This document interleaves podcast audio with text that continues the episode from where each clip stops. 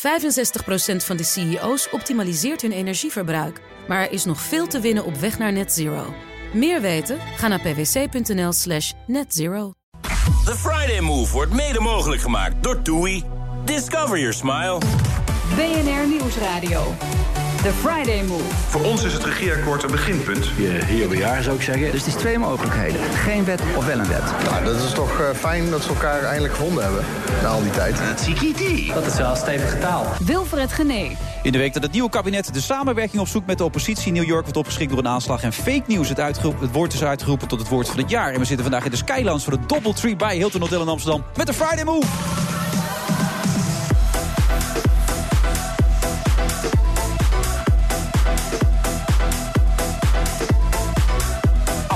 Zoals altijd. U kunt er eventueel nog bij, maar dan moet u echt gaan zoeken naar een plaatsje.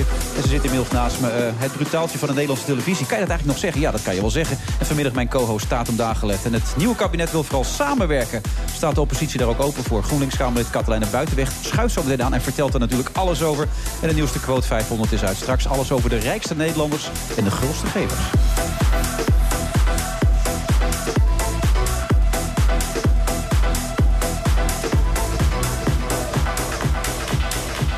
Terwijl het schemer langzaam inzet hier in Amsterdam... over die prachtige skyline, vanuit die prachtige skyline... zitten wij hier natuurlijk met z'n allen klaar voor de Friday Move. En naast me zit Taat op Dagelet. En dan de onvermijdelijke vraag, mag ik je titel zien? Als ik je pik mag zien. Ja, we zijn gelijk begonnen. Dames en heren, leuk dat u luistert. Uh, vanwaar die titel van dit programma? Nou, um, daar, is het eigenlijk al, daar begint het al mee, hè? inderdaad. Uh, online. Wat vroeger in het fietsenhok gebeurde, gebeurt nu uh, digitaal. Met alle gevolgen van dien. En ja. het risico dat de hele wereld meekijkt. Want even voor de duidelijkheid, je gaat een nieuw programma presenteren vanaf volgende week... waar sexting een belangrijk onderdeel in is. Hè? Waarschuwing eigenlijk voor wat er allemaal kan gebeuren op dit gebied. Ja, klopt. Het is inderdaad een docuserie, driedelig, bij de NPO 3. En uh, met het, over de drie fenomenen sexting, uh, shaming en uh, sextortion. Dus ook online afpersing. En inderdaad, wat gebeurt er of wat kan er gebeuren? Wat zijn de gevolgen als die ene pikante foto ineens verspreid wordt op het internet? Heb je wel eens een foto verstuurd van jezelf, een pikante foto? Ja, maar die is gelukkig nooit uh, viral gegaan. Nee. Dat zou nog kunnen hoor. Maar circuleert die nog steeds ergens binnen de vriendenkring? Of? Nou, dat is dus ook heel eng. Want zo'n foto zit in de cloud of het zit in een Dropbox. Of weet je, er zijn altijd hackers die daar aan kunnen komen. Ja. Maar ik heb wel mijn ex gebeld. Ik heb gezegd, wat is er met die foto's gebeurd eigenlijk? Nou, die zei die, nou, die staan op een harde schijf. Een harde schijf? Ja. Oké, okay. ja. Nee. Ja. Er zijn gelijk mannen die gaan zitten lachen. Heel flauw mannen. Nee, maar weet je, het ja. is ook helemaal niet raar om een, om een sexy selfie te maken. Dat is niet raar. Het, is gewoon, het wordt een probleem als het doorgestuurd wordt. Ja, en hoe groot is dat probleem? Want je maakt niet voor niets zo'n programma, anders zou er waarschijnlijk niet zoveel aan de hand zijn. Hoe groot is het probleem? Nou, best wel heel groot. Um, je ziet het vooral onder jongeren, dat het heel vaak misgaat. En juist is dat een kwetsbare doelgroep. Maar over, over welke leeftijd praat je dan al? Waar begint dat mee? Nou, ik denk dat ze van. Ja, je, je ziet nu al kids van uh, negen met mobiele telefoons. Hè? Ik bedoel, uh, nou, veel jonger. Ja, dochter ik echt nu, klopt dat? Ja, ik heb een puber thuis. Ja. ja. Je zegt het uh, met een bepaalde vermoeidheid, maar. Nee, ze wil niet dat ik haar leeftijd zeg. Nee? Oh, begint dat nu al dat dat niet mag? Waarom mag je de leeftijd niet zeggen dan? Ze wil liever ouder. Ja, daar begint het al. Oké. Okay. En um, wat wilde je vragen? Nou ja, welke, welke leeftijd beginnen deze problemen al en hoe groot zijn die problemen? Ja, nou ja, vooral, dit is eigenlijk de doelgroep daar. Rond 15 gebeurt dat. Dan ben je een beetje in seksuele ontwikkeling. En uh, ja, heb je seks op afstand, zeg maar. Weet je, dus uh, daar begint het experimenteren al. Ja, maar het gaat soms zo ver. Het klopt dat ik verhalen heb gelezen van meisjes dat erbij zo werden gepest dat ze uiteindelijk zelfmoord hebben gepleegd of zo, toch? Dat, dat... lees je regelmatig ja. in het nieuws. Ja, en dat is ook de reden waarom dit programma nu wordt gemaakt om daarvoor te waarschuwen ook. Sowieso om het bespreekbaar te maken en om ja. te laten zien wat de gevolgen zijn. En ik hoop ook dat de daders, die misschien ook niet uh, zich van kwaad bewust waren, maar zien, inzien wat voor een impact het kan hebben. Want um, denk je dat het een tijdelijk iets is of zal dit nu altijd zo blijven? Of denk je dat je door de ontwikkeling van zoals we nu met social media werken... en alle mogelijkheden die zijn op technisch gebied... dat het een soort experimentele fase is of dat dit alleen maar erger gaat worden? Nou, je zou zeggen van dit gaat nu alleen maar erger worden... maar de, het moet bespreekbaar worden gemaakt. En um, ik denk dat er ook wel uh, consequenties aan uh, moeten worden vast... Want doorsturen, het kan nu allemaal maar gewoon. Weet je wel? En eigenlijk moeten, moeten ze daar ook op aangesproken worden. En het victim blaming. Vaak is het dus ook zo, dan ben je een slachtoffer... maar dan word je ook nog als slet of hoer neergezet. Dus dan krijg je ook nog die lading van al die negatieve reacties uh, op je af. En dat is wat iemand dan in een soort uh, vicieuze cirkel of een, weet je, een uh, neerwaartse spiraal raakt, waardoor de gevolgen gewoon niet meer te overzien Hoe zijn. doe jij dat met jouw dochter? Mijn dochter is nu acht. Die wil nu ook al een mobiele telefoon. Ik probeer het nog tegen te houden tot haar 18e, 19e, 20e misschien. Misschien 25e. Ik hoop eigenlijk voor haar 30e dat ze geen telefoon heeft. Maar hoe doe jij dat dan? Als ze nu 14 is, hoe ga jij ermee om? Uh, door er vooral veel over te praten. En gelukkig is zij ook heel open en ze deelt veel met mij. Behalve de leeftijd dus. Maar, ja. ik heb het over mij. Hè? Ja, dat is ja. waar. Ja. En um, uh, dus weet je, ik zeg, ik benoem het eigenlijk ook meteen. Dus als zij een wat sexy foto uh, online wil zetten... of op haar Instagram of wat dan ook... dan zeg ik van, nou, die foto die, die gaat nu is online... en dat is er niet meer af te krijgen. En het kan best zijn dat uh, mannen zich daarop afrukken ik noem het gewoon zoals het benoem het zoals het is. Nou, we hadden laatst Bobby Eden, die gaf een aftrekcursus. Dus wij kijken nergens meer van op in dit programma. Wist je dat dat er aftrekcursussen zijn? Ik heb er één gedaan. Dat meen je niet. Ja. Echt waar? Ja, ja, ja dat, was met vriendinnen. Dat is best wel leer. Ja. Maar wie trek je dan af op dat moment? nou ja, dat dacht ik dus ook. Ik dacht, dan heb je zo'n leuke muur met allemaal lullen doorheen. Maar dat is niet zo, want je moet het doen met een plastic versie. Maar dan is je leven verrijkt daarna. Heb je een nieuwe techniek kunnen ontwikkelen? Ja, maar ik heb hem nog niet uh, durven toe te passen, eerlijk gezegd. Een van mijn andere vriendinnen wel. En? Hoe was het resultaat? Nou, zij was, de, de, haar bedpartner was heel enthousiast over het vogelnestje. Het vogelnestje? Ja, dat is ook één stap. Het is een tien stappen ding. En, maar voor de uh, luisteraars die nu in de file staan en denken... het vogelnestje, wat moet ik me daarbij voorstellen? Je hoeft het niet gelijk hiervoor te gaan doen, maar wat, wat, wat doe je dan? Nou, dat is, dan maak je zeg maar met je vingers een soort vogelnestje... en dan doe je het zo eromheen. Zo, zeg maar. Het is ook heel goed als je last hebt van RSI, zoals ik. Dan kan je gewoon twee handen gebruiken. Ja, dan is maar god, waar hebben we het nu over? Nee, omdat jij deed alsof het een moeilijk woord was. Ik noem het maar gewoon zoals het is, zei jij. Dus ja, nee, maar dat is ook zo. Ik vind ook kan. sowieso... uh, we leven best wel in een schaamtecultuur. En het is uh, toch een beetje een taboe om uh, over seks te praten, vind ik. Maar het is altijd wel jouw ding geweest, een beetje door de jaren. Je ging voor de FIFA ook altijd met mannen in bed liggen om te interviewen Ja. enzovoort. Dat, Maar ik word er ook nog vaak op afgerekend, op dat soort dingen. Dat ik te, Hoe dan? Ja, dat ik te eh, verleidelijk doe. Of dat ik te brutaal of te grof ben of zo, weet je wel. Imago, dat moet je toch ook een beetje in stand houden? Of? Nou ja, ik vind dus dat we er geen taboe van moeten maken. Want als je er een taboe van maakt, dan ontstaan er problemen.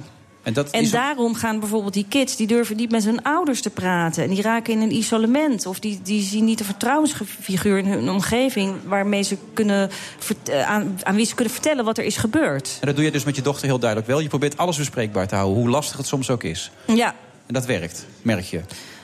Nou ja, ik, eh, ik merk dat dat haar wel een veilig gevoel geeft dat ze altijd bij mij terecht kan. En mocht er ooit iets vervelends gebeuren, dan zou ze mij dat ook zeggen. En er zijn genoeg jongeren die durven dan niet naar hun ouders te gaan. Want dan denken ze dus dat ze straf krijgen of dat zij de schuldigen zijn Ja. die dat hebben uitgelokt. Het is. En, en dat ga je dus in drie programma's doen. Wat is dan de insteek? Is het, is het heel serieus of zit er ook nog een knipoog bij, een bepaald soort losheid? Hoe doe, hoe doe je Nee, het? is, het, is, het is echt een heel serieus Dus onderwerp. veel trieste verhalen er ook bij en zo, dat soort Ja, dingen. ja, heel veel eh, hele bijzondere en heftige verhalen. Ja. En hoe ervaar je dat, nu je dat gemaakt hebt dan? Hoe is dat voor jezelf geweest dan? Ehm, nou, ik ben er best wel van geschrokken. En ik stond regelmatig wel met tranen in mijn ogen. Ik bedoel, de eerste aflevering begint al heel heftig... met een meisje wat eh 14 was toen ze van een flatgebouw afsprong. Van 32 etages. Omdat ze geen uitweg meer zag nadat haar foto online verspreid was. En zij heeft het wonder boven wonder overleefd. Ze heeft dat niet overleefd? Of is Ja. echt waar? Ja, het is een wonder. Echt waar? Iemand die van 32... Ja, Dat is wel heel bijzonder inderdaad. En- ja. nou, dat is een heftig begin van een programma waar je absoluut naar moet gaan kijken. Dan ja denk ik. zeker. En zeker voor alle ouders van dit moment met jonge kinderen. En ook voor de jongeren. Ja. Ja, kijk maar wat er gebeurt. Nou, dit is ook een eh, serieus begin. En een heftig begin van deze uitzending. Los van het vogelnestje. Voor de mensen die het niet zagen. eh Tatum deed haar handen bij elkaar in een soort, soort driehoekje. En dat was dan het vogelnestje. ja. Nee, ja, je zit in die auto, je wil het toch weten. Je zegt tegen je vrouw, nou, het vogelnestje. Maar ik snap nog steeds hoe ze het doet. Nou ja, die twee... Even kijken, je wijsvingers en je duim eigenlijk tegen elkaar. En dan een beetje klemmen, toch? Dat was het idee. Zoiets. Ja. Ja, eh, wil je het heel graag leren dan of zo? Nee, nee, maar eh, tien stappen hoorde ik net. En we hebben het al eens een keer met, met, met, met Bobby erover gehad. Dus ja, zijn mensen geïnteresseerd geïnteresseerd in dit publiek. Het is trouwens nu het politieke blok. Ik ga snel weer zo door naar de reclame. Tot zo, dag. Dag.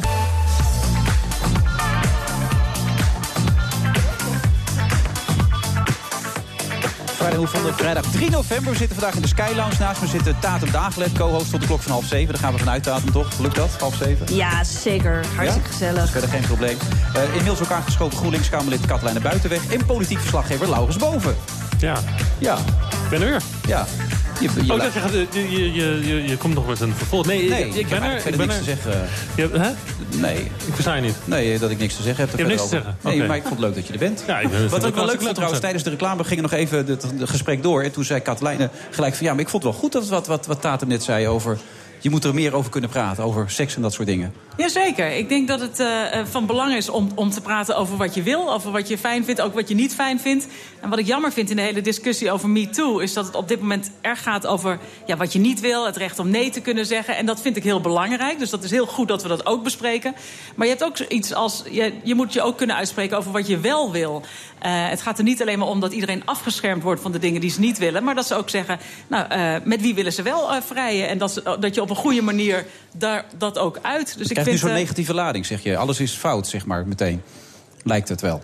Nou, ik denk dat er, dat er nog weinig ehm, eh, comfort is om duidelijk te maken... eh, en ook om zelf te ontdekken misschien wat je allemaal fijn vindt... en daarvoor uit te komen. Ik denk dat het dus heel erg van belang is dat je echt... je gaat over je eigen lichaam en daar moet je ook mee leren omgaan. En eh, het gaat niet alleen om nee zeggen, het gaat ook om ja zeggen. En meisjes worden toch nog vaak... ja, dan worden ze aan de ene kant beschermd... en als op het moment dat ze echt willen uitkomen van waar zij nou zin in hebben... dan wordt het snel gezien als slettig gedrag. Dus ik vind het heel erg van belang dat we vooral de autonomie van iedereen respecteren... En dat, ja, dat je dus ook kan uitkomen voor wat je wel wil. Ja.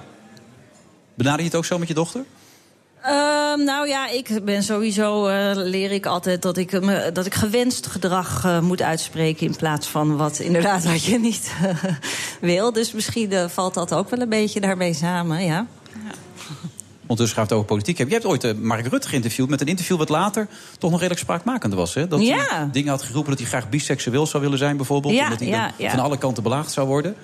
Toch? Ja, dat hij dan meer keuze zou hebben, Ja. zei hij. Tussen man, ja, dat dat de zo? markt dan groter zou Wanneer zijn. was dat?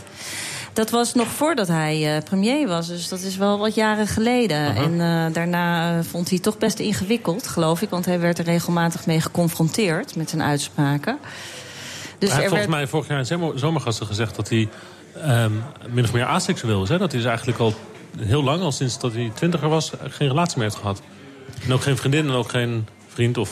Nee, maar hij liep ook bijvoorbeeld graag naakt door de kamer. Als de gordijnen dicht waren, had hij ook verklapt enzovoort. Maar toen hij premier Oh werd... ja? Dat, Ja. dat weet ik niet eens Ja, dat stond allemaal in het interview. Ja, hij liep God, graag ja. naakt door de kamer met de gordijnen dicht.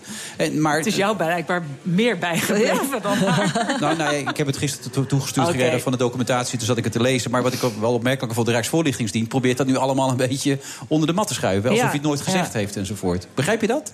Moet hij dat doen? de- Dat dit soort dingen nu, ja, nu wil je dat niet meer. Ik geloof, ik geloof dat Rutger Kastrikum, die heeft wel eens een keer een paar jaar geleden nog eh, in een persconferentie me gevraagd, aan hem gevraagd: heb je nog geneukt? En, en, dat, dat was toch eigenlijk op dat moment al wel een beetje ongepast. Nou ja, het Ja, maar dat is... toch, dat is toch ook... Een, Dat is eh, ook niet gepast. Dat vind ik ook niet gepast. Dat is niet relevant helemaal op niks dat aan. moment. Als, maar als iemand dat wil zeggen, je hoeft je ook niet te schamen voor de dingen die je, die je hebt gezegd of die je leuk vond. En ik denk, als hij dat wil doen, ja, prima, be my guest. Ik vind het wat anders dan als journalist gaat vragen: van, nou, heb je nog geneukt? Ja, dat vind ik ook te plat. Denk, ik, gaat je Maar iemand heeft ooit, ooit een keer in een interview gezegd dat hij op een gegeven moment in een soort, een soort depressie had. Een moeilijke periode. Dat hij naar zichzelf zat te kijken. Dat hij heel moe van zichzelf werd. Eigenlijk een beetje een irritatie bij zichzelf voelde. Toen kwam ik daar twee jaar daarna op terug. En toen werd hij ook helemaal geïrriteerd en boos. Van, ja, dat was toen. Dat doet er allemaal niet meer toe en zo. Maar dat is toch niet zo erg als je dat ooit een keer over jezelf gezegd hebt? Of werkt dat? Nee, maar het is natuurlijk wel lastig dat dingen altijd terugkomen. En, eh, en je wil aan de ene kant open zijn over zaken. Nou, ik, eh, ehm, eh, ik heb zelf ook wel eens iets gezegd over, over nare seksuele ervaringen van mijzelf. Of een rechtszaak die ik uiteindelijk ook heb gewonnen. En dan heb je dat gezegd. Dat kwam nu eigenlijk in de afgelopen weken weer naar voren. Juist ook met die hele MeToo-discussie. Ehm, maar ik weet wel dat ik toen, dat ook, toen ik dat ook zei, dacht ik... oh ja, dat gaat dan nu naar voren komen. Ja. En nu denk ik van, nou, dit is een moment dat ik dat wil zeggen. Dat is prima. Maar er kunnen ook momenten zijn dat je er echt helemaal niet op zit te wachten. En dan wordt, gaat iemand anders daar weer mee komen. En dat is natuurlijk het lastige wel van, het, ja, van wat meer publiek zijn. Dat ze te pas en te onpas met zaken komen die je, eh, die je hebt verteld. En dat is, ja, dat is kwetsbaar en vervelend.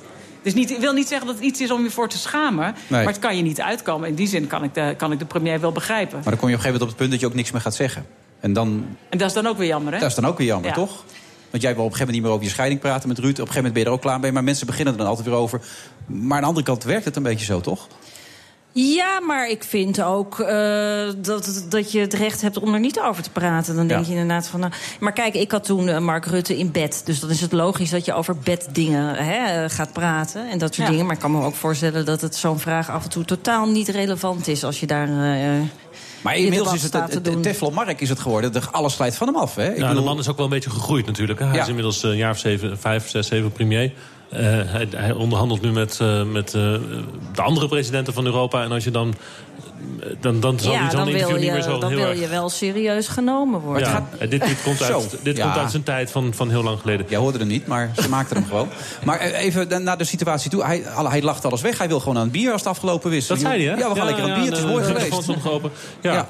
Het was een heel eh, eh, gemoedelijk debat eigenlijk voor hem. Ik had niet de indruk dat hij het heel erg moeilijk had. Hij heeft eigenlijk zijn hele programma gewoon over het voetlicht gekregen. Er is één cadeautje uitgedeeld aan de Partij van de Arbeid. Maar dat was ook een cadeautje wat Lodewijk Asscher natuurlijk voor het grijpen had.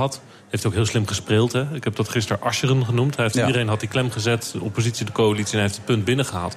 Maar volgens mij wilde Rutte dat punt ook best geven. En dat zijn zo van, je stopt in zo'n begroting natuurlijk altijd een paar dingen. Als je serieus tegen de coalitie of tegen de oppositie zegt... we willen samenwerken, dan moet je ze ook wel iets geven... op een Ja. bepaald moment tijdens dat debat. Dus dat Nou, had hij eigenlijk al in de achterzak meegenomen om weg te geven. Tuurlijk. En voor de rest is het allemaal doorgekomen, allemaal rondgekomen. Eh, en er was nog wat met GroenLinks eh, dat... dat eh, Rutte geloof ik op een bepaald moment... Nee, Dijkhoff zei dat van de VVD. Want toen ging het over de klimaatwet. Hè? Eh, want GroenLinks heeft samen met de Partij van de Arbeid... al een voorstel gedaan voor klimaatbeleid. En toen was de vraag van, goh, neem je dat over aan, aan Dijkhoff? En Dijkhoff had zoiets van, ja, prima, joh, kan mij schelen... wiens wet het nou is. We gaan gewoon dat beleid doen. En dat zijn dan ook van die toezeggingen. Dan is GroenLinks dus dan blij van, kijk eens, wij hebben een toezegging. Ja, waren jullie blij, eh, Katlijn? Het maakt uiteindelijk natuurlijk in de zaak niks uit. Nee, maar het maakt wel uit qua snelheid. Kijk, GroenLinks had inderdaad, eh, heeft samen met eh, eh, de PvdA en een aantal andere partijen zijn erbij aangesloten een klimaatwet gemaakt. Daar willen we duidelijke doelen afspreken, zodat investeerders ook weten nou ja, wel, waar ze aan toe zijn. Want heel veel van die klimaatmaatregelen worden uiteindelijk vaak niet genomen... omdat de investeerders dan denken van ja, die, die maatregelen gaan niet renderen... want uiteindelijk eh, eh, worden de klimaatdoelen dan toch wel weer naar beneden bijgesteld. Dus we wilden harde doelen stellen die ook gewoon zekerheid gaven aan investeerders. Die klimaatwet die ligt er. Eh, en dat is het voordeel inderdaad dat, dat je dan ook snel... Ja, dat je gewoon vaart kan maken. En de, het kabinet heeft gezegd dat ze snel met GroenLinks ook om tafel gaan... om te kijken ja, wat ze van die klimaatwet kunnen overnemen. Dat zal ongetwijfeld een onderhandeling zijn. Maar wij hopen dat door het feit dat onze klimaatwet al in de Kamer ligt... ehm, ja, dat we toch gewoon echt eh, kunnen zorgen voor Ja. veel meer En was snelheid. toen het moment dat Jesse Klaver zei... gas erop, was dat dat moment? Dat was dat moment, ja. Ja, en toen zei Ja. Mark Rutte... oh ja, dat doet me denken aan die enorme BMW... waar jij steeds meegebracht werd. Wat vonden Nee, jullie niet daarvan? steeds meegebracht. Nee, maar het, die was keer... een, Ja, het was een taxi. ja oké. Er zijn een paar van die, van die hatelijkheden uit die formatie... zijn gisteren wel duidelijk geworden. Dit was, er, dit was zo'n geintje over die BMW. Maar dat was eigenlijk voor mij nog het meest onthullende moment... dat het hele debat gisteren ging over het migratiebeleid. En waar opeens eindelijk, na al die maanden, duidelijk werd... wat nou precies het conflict was geweest tussen GroenLinks en, en de VVD hierover. En... ehm, Waar spitsen ze dat voor toe dan, volgens jou? Nou, eh, in feite stelt Rutte voor, dat zei hij op een bepaald moment in het debat ook... van ik wil geen vluchtelingen meer hier, ik wil ook die bootjes hier niet meer hebben. En eigenlijk wil ik dat die bootjes, als ze opgepikt worden in de Middellandse Zee... direct teruggaan naar Afrika. In feite zei hij een pushback-beleid. Wat eigenlijk in Europa altijd is eh, afgeschreven als niet, niet mensenrechten... niet conform de mensenrechten. Ja. En eh, het aardige was dat Jesse Klaver dat nooit heeft verteld... wat er nou precies gewisseld is in de formatie. En ik denk dat als ze dat een paar maanden geleden hadden gedaan... duidelijker hadden verteld waar Rutte mee kwam, concreet... want dat hoorden we gisteren eigenlijk pas voor het eerst hem zeggen... eh, dan hadden ze het een paar maanden geleden veel beter uit kunnen leggen... waarom GroenLinks niet in zee is gegaan met deze coalitie. Katelijne zit te knikken, maar die houdt dit vast voor na de reclame. Mooi een beetje cliffhanger of dat nou waar is of niet. We gaan het zo meteen beluisteren. Tot zo. BNR Nieuwsradio. The Friday Move. For those of us climbing to the top of the food chain, there can be no mercy. En het is precies die houding die in mijn ogen de plank mislaat. Ziet u de causaliteit niet? Nee, ik zie een correlatie. Mag ik dat? Mag ik dat, mag ik dat niet zeggen? Wilfred Genee. Arjen Erkel, Jan Dries en Sander Schimmelpen. Ik zei straks nog te gast in deze uitzending van de Friday Move. En zij zitten nog steeds tot half zeven. Taat op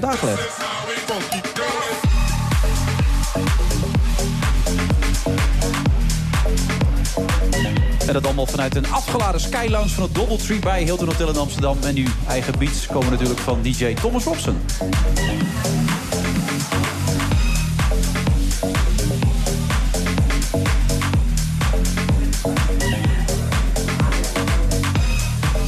En ik kunt natuurlijk... Eh, via social media reageren. Bijvoorbeeld via BNR Friday Move, Ed Wilfred Genee. Je wordt er wat zenuwachtig van, eh, heb ik begrepen, Tatum. Waar word ik Van die zenuwachtig muziek, vertel je me net. Vond je, vind je een beetje Nee, ik vind het wel lekker muziek, maar da- dan dacht ik van als ik de muziek hoor, dacht ik, oh, dan stopt het nu, dan stopt het praten nu, dus dan gaan we nu naar de Praten gewoon door. Ja. Dan komt er op een Ja. gegeven moment Dus die rijen daar- daar. Daarvan raakte ik een beetje. Onze eindredactrice die dan steeds van die bewegingen gaat maken. Afronden en zo, rondjes gaat die Ja, maken. die zie ik niet, hè? Nee, en die zie ik ook Ja. niet. Ja, ik zie het wel, maar ik zie het gewoon niet. En dan staat daar weer de hoofdredacteur van BNR. Die, die grijpt zo meteen in. Sjors Ja. Vreugde, die gooit ons gewoon van de elfde. Eh Katelijne Buitenweg is ook nog steeds aanwezig van GroenLinks.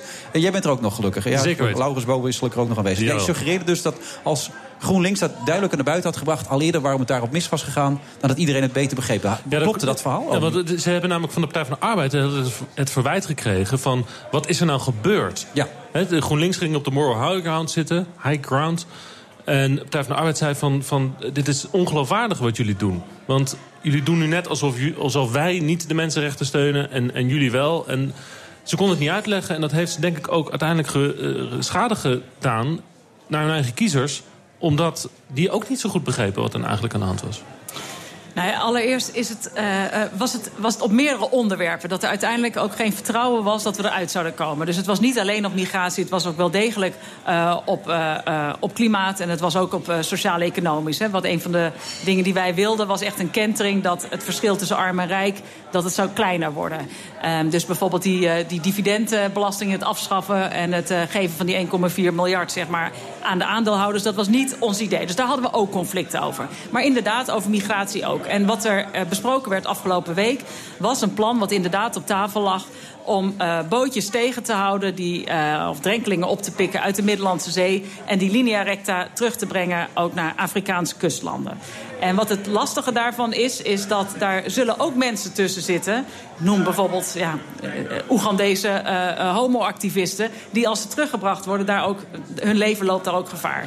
Daarom is er een zin toegevoegd, ook in het regeerakkoord... ook toen wij daar aan tafel zaten, ehm, van... ehm, je mag geen mensen terugsturen die gevaar lopen. Dus dan lijkt het allemaal gedekt. En dat is ook wat de coalitiepartijen zeggen. Van ja, dat is allemaal gedekt. En waar nou steeds de discussie over ging... is dat wij dan steeds naar de praktijk vroegen. Van ja, maar hoe gaat dat dan? Want hoe moet je je dat voorstellen? Dan, ga je dus, eh, dan wordt zo'n boot eh, in de Middellandse Zee... en ga je dan zeggen, nou, alle homo's een hand omhoog eh, die dat doen? En dan kunnen we dat nu even selecteren. En dan, dat, dat is niet reëel. Ehm, dus elke keer als wij dan gingen kijken naar hoe het in de praktijk was... dan zei iedereen, nou, maar het staat er. Weet je, het is, we, we gaan dat regelen. Ehm, en ik zie niet hoe we dat gaan regelen.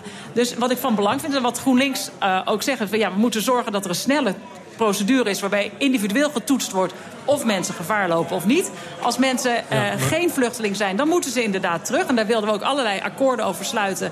dat mensen hun eigen onderdanen zouden terugnemen. Maar we wilden geen politiek vluchtelingen terugnemen. Natuurlijk, maar waarom weten we dat nu pas in het debat gisteren? En waarom hebben jullie dat niet een half jaar geleden verteld?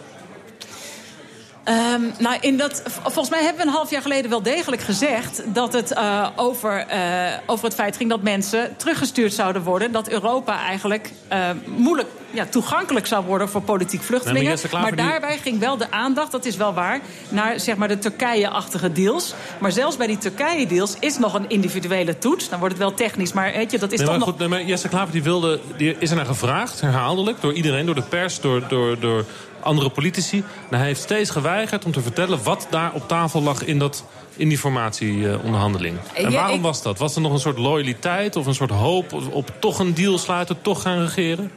Nou, ik denk dat die hoop wel verdwenen was. Maar ik denk wel, kijk, de eerste keer toen er gebroken werd... Is het daarna, eh, was het vrij netjes. Is iedereen netjes met elkaar omgegaan. Heeft elkaar heel erg gerespecteerd. Eh, en ik denk dat we ervan uitgingen, eh, en ook Jesse ook, van dat... Dat, dat, dat je op een respectvolle manier zou terugkijken. Want soms ga je gewoon iets proberen. Dan ga je wel met elkaar praten. Maar het kan natuurlijk dat het na verloop van tijd blijkt dat het niet lukt. Maar dan hoef je elkaar nog niet eh, eh, helemaal met modder eh maar, te jullie wilden, besmeuren. maar jullie wilden En een wij- andere vorm van politiek bedrijven. Jullie wilden een beweging creëren met, met je kiezers betrekken, je sympathisanten betrekken. En als er dan zoiets cruciaals gebeurt, dan vertel je het niet.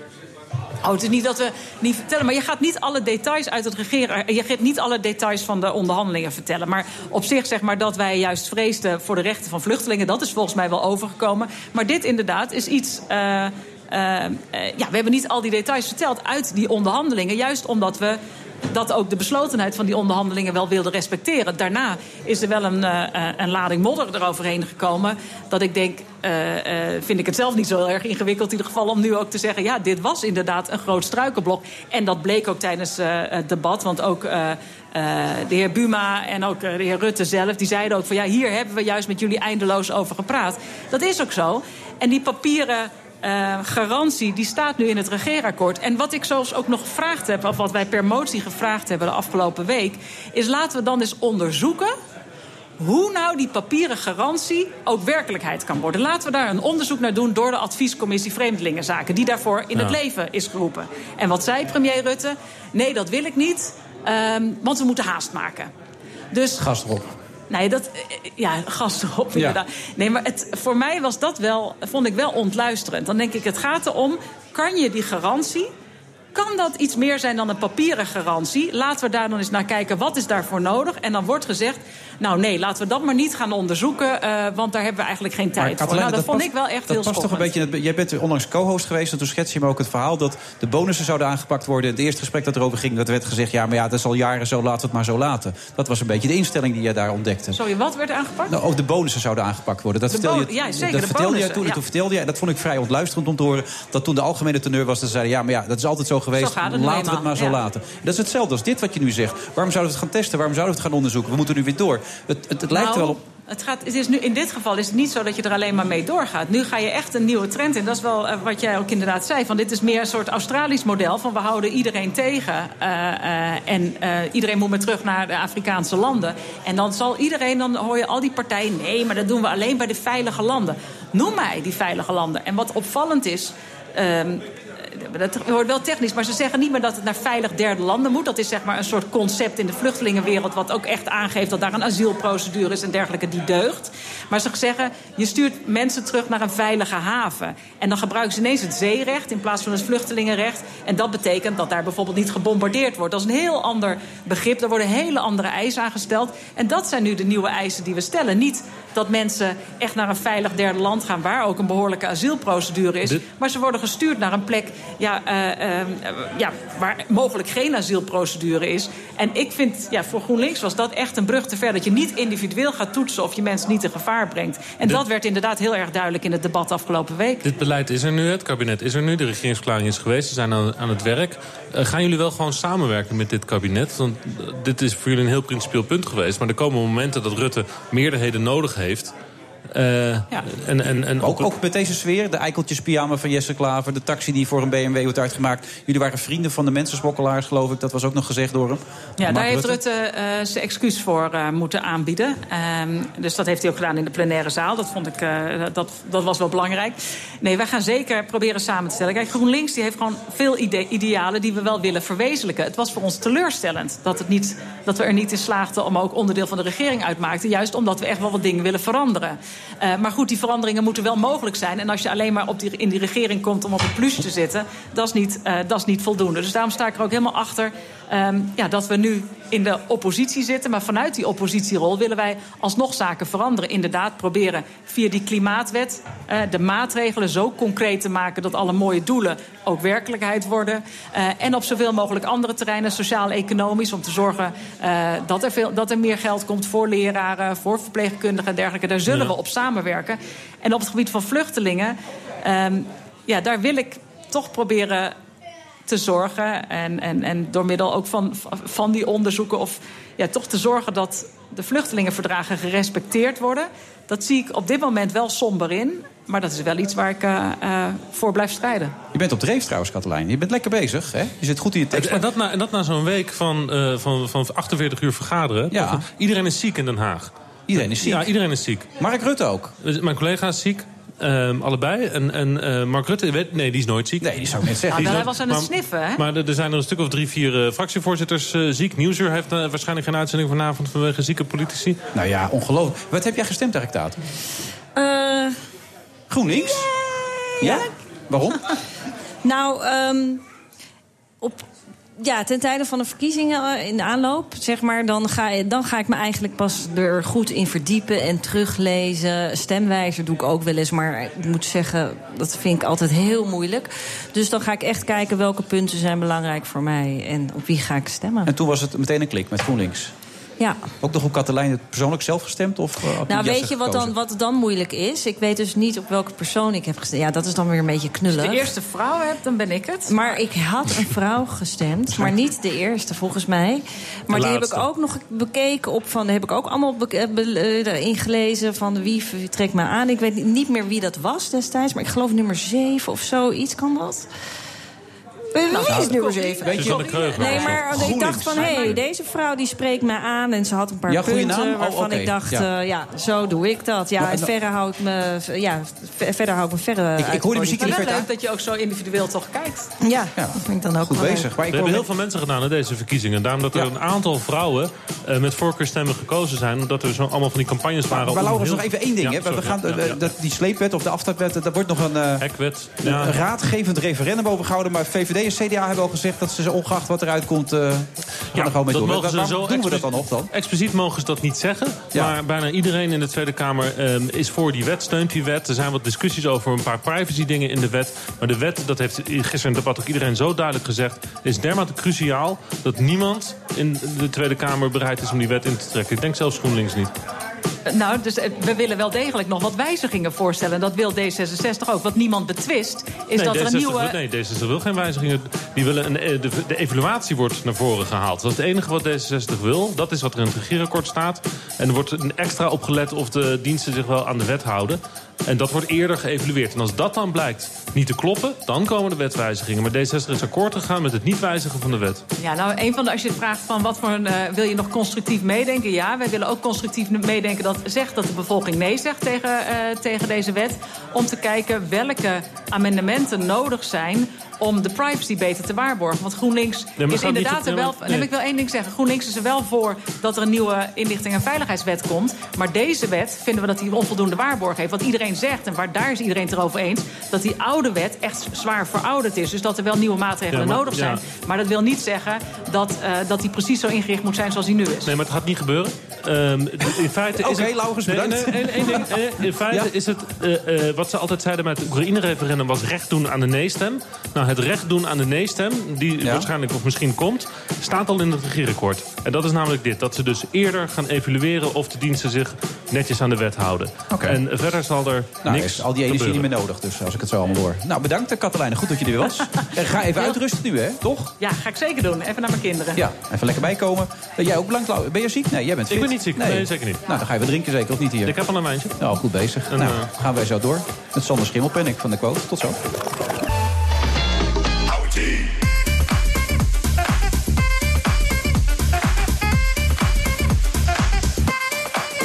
Move vrijdag eh, 3 november. De Sky Lounge van het eh, Doubletree bij Hilton Hotel in Amsterdam. Tatum mijn co-host. Hoe is het om co-host te zijn? Ja, fantastisch. Vooral als het over politiek gaat. Ja, je was niet te eh, stuiten, praat hè? Ik, nou, ja, je ging niet te stuiten. Ja, was niet normaal, was het nee, meer. Nee, Nee, klopt. dat, daar heb je weinig mee, begrijp ik? Ehm, nou, nee, daar heb ik best veel mee. Maar op Alleen dat moment denk ik, ik kan beter mijn mond houden. Want dat vind je ook. Je vindt ook dat mensen alleen mogen praten over datgene waar ze verstand van hebben. Nou, dan moet je geen domme dingen gaan zeggen. En in mijn geval zou ik dan misschien snel iets doms gaan zeggen. Zoals? Ja, gewoon dat ik er te weinig van af weet. Ja, Ja. dat wil je zelf niet aandoen. Maar je bent toch gewoon brutaal, dus zoals je altijd bent geweest. Dus dan kan dat toch gewoon, of niet? Ja, maar ja, dan gaat het inderdaad al gauw over seks en dat soort dingen. En eh, dat, eh, dat bespaar ik ze. Ja? Ja. Gaat het bij jou vaak over seks? Ook in je privéleven dan? Ja, ik kan eigenlijk kan ik het nergens anders over hebben. dat is het enige waar ik het over kan hebben. Nee hoor, dit klinkt ook wel heel triest. Ja, Ja. maar het is wel zo, begrijp ik. Nee, Oh. nee dat, is, dat is niet zo. Maar ik ben wat dat betreft open. Ja, dat Ja, wel. dat en ik weet niet zo heel veel van politiek. Dus daarom praat ik daar ook niet heel graag over. Ben je al miljonair? Nee, dat zou ik ook nooit worden. Ik ben heel slecht met eh, financiën. Dat weet je toch niet of je dat nooit gaat worden? Dat kan toch altijd? Jawel, dat zit in je of dat zit niet in je. Of je trouwt een miljonair. Dan ben je zelf ook miljonair. Dat nee, ook. dan ben je zelf geen miljonair. Nee? Sander tuurlijk Schimmerpendelijk van Quote. Ben je dan een miljonair of niet? Eh, nou, eh, d- sommigen zijn toch echt wel miljonair geworden op die manier. Sommige dames. Zou Ja, je zo, nou, de vraag is dan, zou je zo miljonair Dan is het worden? toch nog niet jouw geld. Nee, nou ja, als je, als je goed scheidt en je regelt het goed... dan wordt het Goed op een gegeven moment eh, goed scheid. Oh ja. Oh ja, dat is weer te dicht bij jou. eh. Mijn kinderachtige... Ja. Als Ja. je goed scheidt en je regelt Ja. het goed... Ja, dan kun je natuurlijk enorm rijk worden als vrouw en eh, met, een, met een rijke man. Ja, dat, ja, maar dat- ben je dat dan trots meer- op jezelf? Nee, Nee, dat denk dat ik niet. Ik denk dat je dan... eh, Ja, nee. denk je niet? Zullen zullen er geen vrouwen tussen zitten die daar juist wel heel trots op kunnen zijn? Nou, we hebben, dat is wel leuk om te vertellen. We hebben een, eh, een waanzinnig leuke golddigger... die verbonden is aan een van de mannen in onze quote 500. eh, Rob Thiele, dat is een grote private equity man. Die heeft een eh, Russische, nou ja, golddigger. Dat Ja, valt echt niet dat anders. weet- dat weet ze zelf, valt dat weet echt hij. niet anders te benoemen. Irina heet zij en zij heeft een fantastisch Instagram profiel. Ik zou allemaal aanraden om eens even een kijkje te gaan nemen. Zij, zij post foto's van zichzelf eh, in vol ornaat, in Monaco op de mooiste plekken.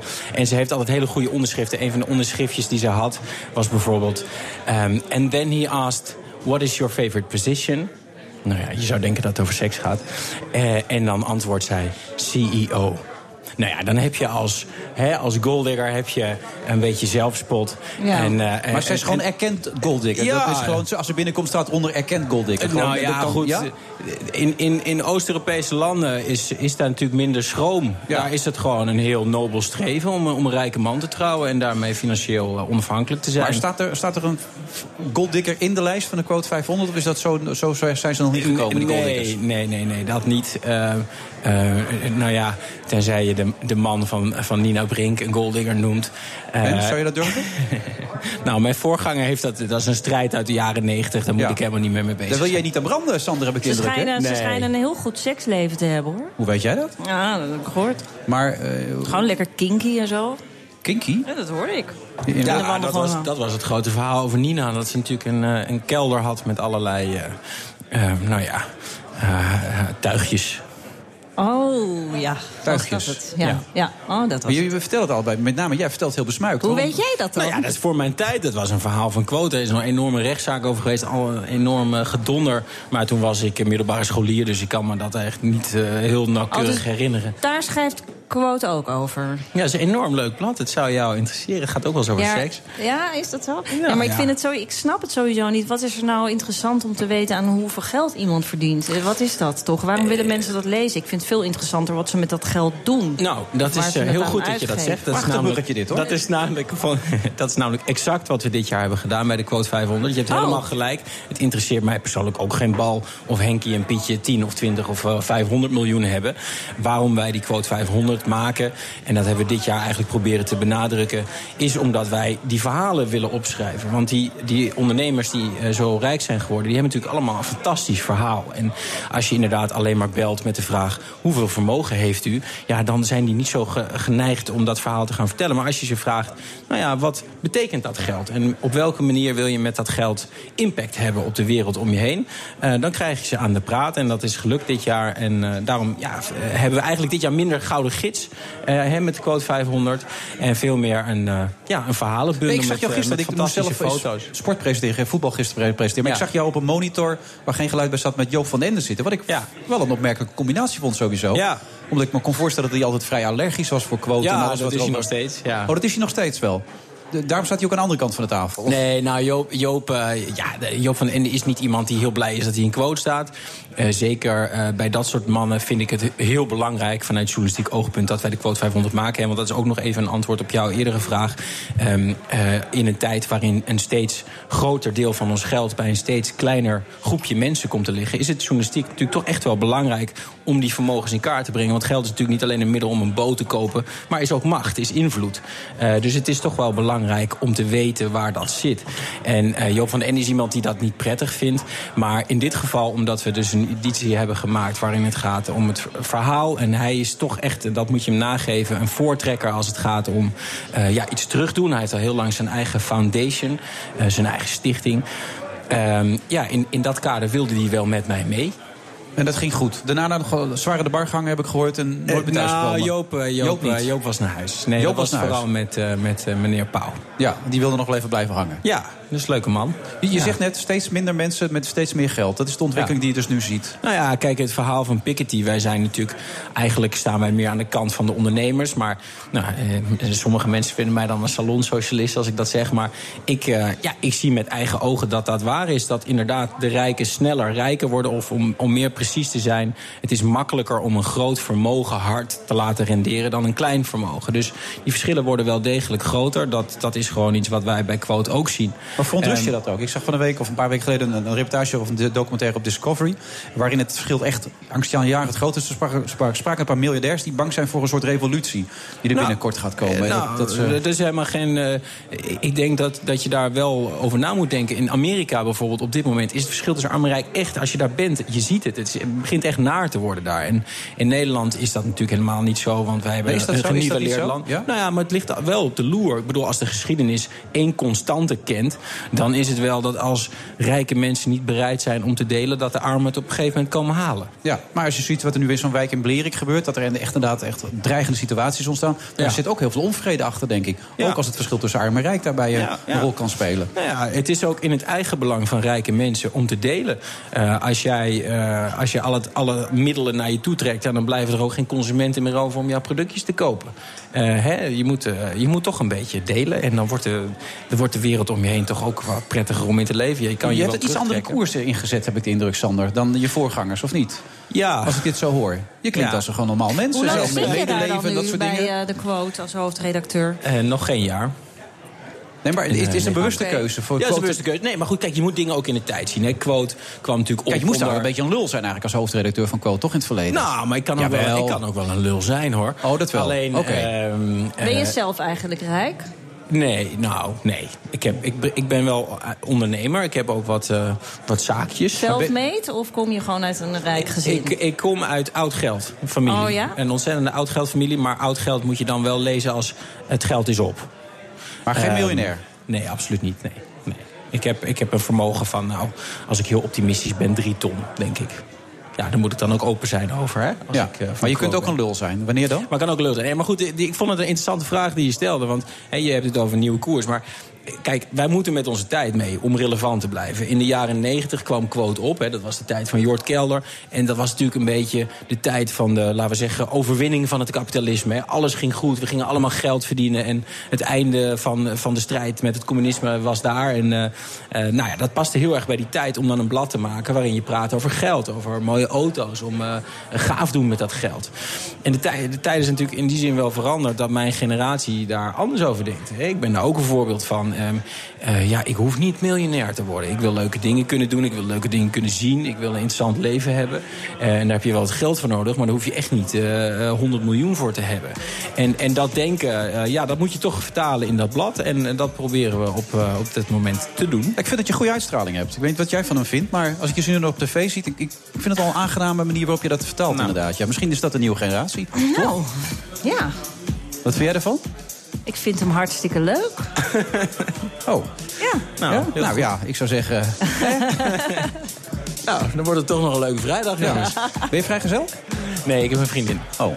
Een, eh, een Zweedse vriendin. Oh, Die dat zit in is, Zweden, heel ver Ja, ze weg. woont in Zweden, dus eh, moet je een bepaalde jongen. mate van vrijheid jezelf eh, permitteren. Juist. Nou, ik, eh na gisteravond wordt het weer een hele leuke avond, heb ik de indruk, wat dat betreft, Sander. Nog iets opmerkelijks te melden uit die lijst? Dat je zegt, nou, dat is echt een heel opmerkelijk geval. Eh, nou, wat, wat, ik, wat ik heel leuk vind, als je aan jonge miljonairs denkt, denk je misschien aan techmiljonairs. Maar wat wij zien, is dat toch de ouderwetse maakindustrie nog steeds het beste doet. Dus we hebben iemand die is groot geworden met draaideuren. We hebben iemand die is eh, ontzettend rijk geworden met schoolboeken.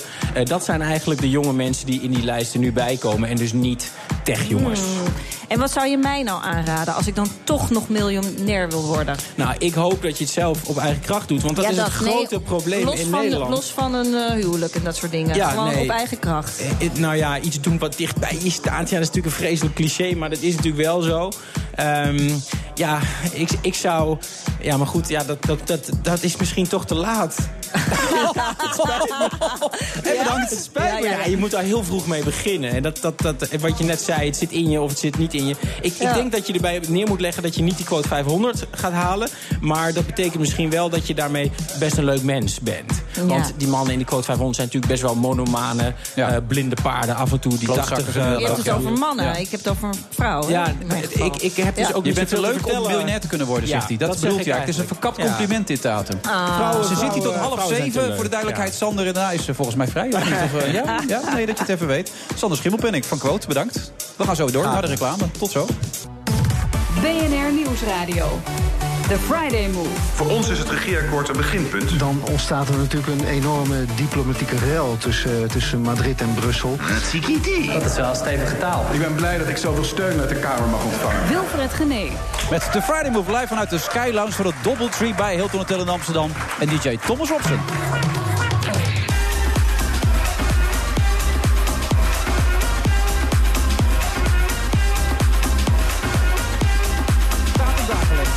Dagen laten zien wat er kan gebeuren als je een pikante selfie publiek bezit wordt in het programma Mag ik je titel zien? En zo tot half zeven mijn co-host. Kevin Spacey wordt beschuldigd, veroordeeld en al gestraft. Van zijn reputatie is eigenlijk niets meer over. Wat moet hij nu doen? Communicatiedeskundige Jan Driessen schuift aan en vertelt er alles over. En Arjen Erken komt voorbij en gaat een theater toemaken om te vertellen over zijn ontvoering.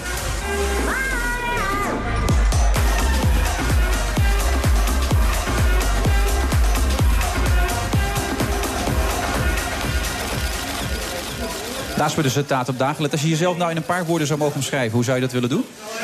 Eh, heel bescheiden, moederlijk, loyaal. En ehm, de laatste weet ik even niet. Nee? Nee, ik dacht, ik moet, ik moet niet alleen maar de goede dingen zeggen over mezelf... maar waarom ook eigenlijk niet? Ach, Nee. whatever. Maar kun je iets dat moet je toch nooit vragen aan iemand of die zichzelf omschrijft? Dat is echt de meest afschuwelijke vraag. Hoe zou jij jezelf omschrijven? Ah, aantrekkelijk, leuk, slim. eh, Ja, nou, precies. even? Eh, wat, voor, wat voor reactie krijg je dan? Hè? Ja. Ja. Dan mag je eigenlijk ook niet zeggen van jezelf. Stom, hè? nee, ben je beschadigd? Eh, ja, wanneer ben je beschadigd? Ik denk dat iedereen wel op eh, enigszins beschadigd is. En eh, ik vast ook. Maar ik ben niet verbitterd of... nee, er is niet iets heel raars met mij aan de hand. Tenminste, ik ben nog een beetje op onderzoek. Misschien ook Ja, wel. je bent nu net in de 40 en je bent onderweg. Maar je hebt wel het gevoel dat je een beetje in balans bent.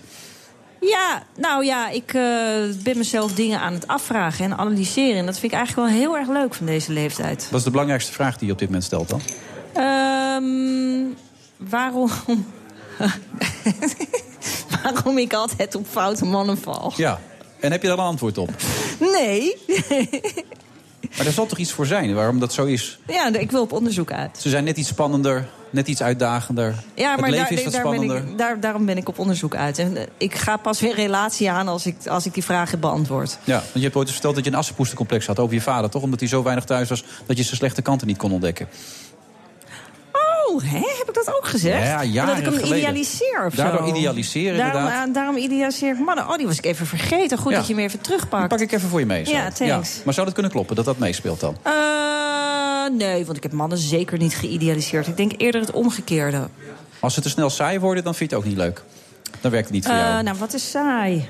Nou ja, dat ze gewoon elke avond eh, thuiskomen om zes uur. En, eh, om Nee, ik hou gewoon niet zo van op de dan- bank zitten.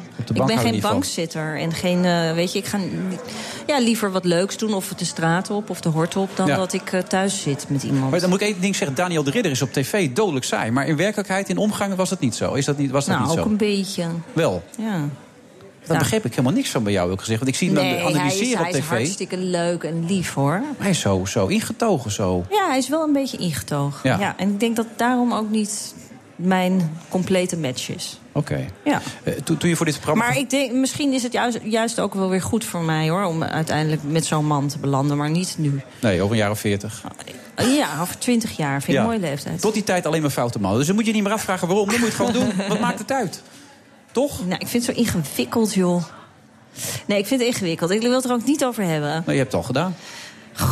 Oh, inderdaad. dus live, Kunnen we dit even opnieuw Ja. doen of terugspoelen? Kunnen we het bandje Wat we terugspoelen? nu gaan doen, proberen... Kijk, want jij gaat het programma eh, presenteren, mag ik je titel zien. Dat is een heel belangrijk en ook maatschappelijk belangrijk eh, onderwerp op dit moment. Zeker. Dus dat probeer je ook te doen om, om kinderen, ouders, iedereen eigenlijk voor te lichten... wat er op dit moment gebeurt op het gebied van sexting en shaming, zei je ook. Hoe zo heet? Ja, online shaming en Ja. sextortion, online afpersing, wat ook nog eh, kan gebeuren. Ja. Ja. Dus hoe, wanneer precies begint de eerste uitzending? Eh, het is een driedelige docuserie en de eerste uitzending is dinsdag om kwart over tien op NPO 3. Oké, we hebben getracht jou hier aan de tafel een beetje te analyseren... maar dat gaat nu onze eigen bartender ook doen. Oh, die gaat ja. voor jou een cocktail maken op basis van de dingen die ze over je gehoord Ja, ik heeft. zie een hele leuke En die gaat een soort mix maken. Tess. Tess Postumus, hartelijk welkom. Het is altijd even, even experimenteren. Je hebt het natuurlijk jarenlang met Roelof Hemmer gedaan. Dat was een twee-eenheid. Dus we moeten even kijken hoe wij op elkaar in kunnen spelen. Maar wat ga je nou precies doen? Nou, ik dacht, ehm, hè, we hebben Tatum natuurlijk vandaag als, als co-host. En ehm, met een ontzettend mooi nieuw programma. Een heel serieus programma. Dus ik dacht, Daar ehm, moeten we iets minder serieus van doen. Dus ik maak een golden sour. Een kleine knipoog na een lapai. Ehm, dat Ook je een slachtoffer, Precies, inderdaad. ja, Ja. sextortion of hè, het in ieder geval... ehm, je moet nuchter nadenken over eh, wat, je, eh, ja, wat, je, wat je filmt, wat je deelt. Nou, dat niet. Degene die het verspreiden, die zijn gewoon eikels. Ja, dat sowieso. En het ga- heeft natuurlijk heel erg betrekking met, eh, met jeugd, met tieners. En die mogen nog niet drinken. Dus helaas voor jou vandaag een non-alcoholische cocktail. Een golden sour. En dat is een, eh, een Bestaat sour die ook variant. echt, deze ja, naam? hij staat ook in mijn boek. Cocktails met Tess, nog steeds Oh, te echt koop. hoor? Ja? Zou je nou gewoon reclame te maken deze uitzending, Tess? Eh, Hoorde ik dat goed of niet? Sorry? Je stond gewoon reclame te maken. Natuurlijk. Dat mag hier gewoon op deze. Mag Ja, dat jongens joh, op deze ik zender? Dat dat. wist ik helemaal Ik niet. zie jou nu Toei citroen trouwens de sponsoring van dit programma of niet? Of, oh ja, dat was Toei inderdaad. Shit, dat is waar Ja. ook, ja. Nee, het is, Ja. er zit al een beetje gele paprika zit erin. Dan gaat er nog wat eh, verse citroensap bij. En een sour is een, eh, is een categorie cocktail. En er ehm, zit normaal gesproken... Bijvoorbeeld, je hebt een, eh, een whisky sour, dan is die op basis van whisky. Of een, eh een vodka sour of vanille sour, dan zit hè, op basis van vanille. Eh, maar nu is het een golden sour, dus we maken hem, maken hem geel of goud. Dus een beetje citroensap, een chilipeper, suikersiroop... om toch een beetje wat spannends te geven. Aangezien de alcohol natuurlijk ontbreekt. Gele paprika en... En kunnen we er niet toch een scheutje van iets, whatever, in doen of zo? Ik bedoel, je het is wel vrij niveau, hè, dit? Ja, klopt. Maar je hebt al een glaasje wijn naast je staan, toch? Schijnen niet het drankgebruik aan deze tafel ook reguleren, begrijp ik, Tess? Nou, is een en nieuwe als laatste dit. spannende, een, beetje eiwit. En wat doet eiwit? Je Eh, gooit er gewoon een ei in nu. Ja, alleen het wit ervan. Oh, alleen het wit. En, Dat is een beetje eh, rocky dit, hè? Ja, hartstikke leuk. Voor een beetje proteïne. Eh, maar eh, eh, net als met toetjes en met desserts, als je dat opklopt, dan krijg je heel lekker eh ja, eiwitschuim. En omdat het een cocktail is, gaat het helemaal de smaak overnemen van het drankje. Dus krijg je een heel lekker mooi schuimlaagje bovenop. Dan shake hem eerst even zonder Maar ijs. kan dat nou gewoon een rauw ei? Want ik hoor toch wel nog verschillende dingen daarover. Ja. Hè? Het is salmonella. Je staat nu te shaken, voor de en, mensen die eh, thuis Ik sta denken... niet shaken, je kunnen het ook zien op beeld. Ja. Ehm, nog even zonder, zonder ijs, want daardoor ehm, krijg je dat mooie schuim. Hè. Klopt het een beetje tot leven. Nou, dan gaat er nu wat ijs bij om het lekker koud te krijgen. Oh. Ja, nu gaat hij ook lekker rammelen. Nog één keertje opnieuw shaken. Hoor. kan wat korter. En dan is hij alweer klaar. Dus dan zal je meteen zien ook aan de kleur en aan het schuimlaagje. Maar even testen tussendoor, ze zegt het wel terecht. Hè? Van, eh, dus Sorry. ik kom niet dodelijk ziek straks thuis en ik, nee, ik, nee, ik nee, kan zeker VI niet meer presenteren straks vanwege een rauw ei. Dat... Nee, nee, nee. Nou ja, Allerlei- we hadden natuurlijk deze zomer allerlei lastige dingen met... eh, met ehm, met, eh, eh, of met de eiwit, inderdaad. ja. Maar ze zijn weer mooi beschikbaar, dus voor mij is dat een go. Oké. Ehm, Maar jij drinkt ze nee, niet? ik drink ze zeker. Oh, oké. Ja, nee, ik eet ze ook. Maar, ehm, Maar dit zegt dus ook iets over de persoonlijkheid van Tatum, voor de duidelijkheid. Dit, eh, die, die, ja? Nee, dit is... De, eh, nee, het heeft alleen maar betrekking voor op het andere. drankje en ze zijn het verantwoord. programma. Oké, op het programma, oké. Ja. Want als je nou haar persoonlijkheid had moeten mixen... was het een heel ander drankje geworden. Was het heel brutaal geworden. Ja. En had er wel wat alcohol in gezeten dan waarschijnlijk. Tuurlijk. Ja, sterker nog, het was 100%. Nee, dat is Ja, en ik had een beetje onderzoek gedaan. En een, ehm, ik, ik zag dat Sambuca en, ehm Oh. en limoncello... Ja, Ja, dus dat- ik heb dat- een beetje de kleur Ja, gegeven van zo? limoncello. Oh, nou, het ziet er echt waanzinnig uit. Ik vind Ja, het een hartstikke... prachtig geel drankje inderdaad. Ja. de Golden Sour, voor de duidelijkheid inderdaad. Ja, Dank pas heel goed op. wel, Tess. Nou, dat heb je goed gedaan, Tess, inderdaad. Nou, ik, Ik wil zeg zeggen, proost op proost, de ja. vrijdagavond. eh, Ja. move. Precies. Ziet er lekker uit. eh, En in de pauze Tess. wil ik hem best nog even spiken hoor, als je wil. Zij is spike-up. Een beetje, beetje alcohol Ja, dat bij ik, bij Ik vind het super lekker, maar ik mis toch... Ja, het is vrijdag. Ik mis toch iets. Hij is echt heel lekker. volgende keer eh. terugkomen. En dat pepertje erin is echt super. Hij is goed, man, dat ding, Ja, heerlijk. En Wat zou je erin kunnen gooien bij een wodkaatje of zo? Wat is Ja, het beste? vodka gin zou ook goed werken. Gin ook, hè? Ja, zeker. Berenburg gaat niet werken hè, bij deze. Nee. Berenburg is een beetje heftig. Nee, ja. dat is meer Kunnen we wel drank. volgende keer doen hoor, iets met Berenburg. Ja? Is super lekker, dankjewel. Ja. Cheers. Tess Postumus. Hartstikke goed. Volgende week weer proberen gewoon? Ja, zeker. Gaan we doen. Oké, nou leuk. We gaan hem even opdrinken. Je zult er niks van merken zo meteen na de reclame. maar bovendien Bernard Handelburg komt, dus we kunnen lekker onze mond houden. Dan kan Bernard even vertellen waar het allemaal over gaat in Amerika. Tot zo.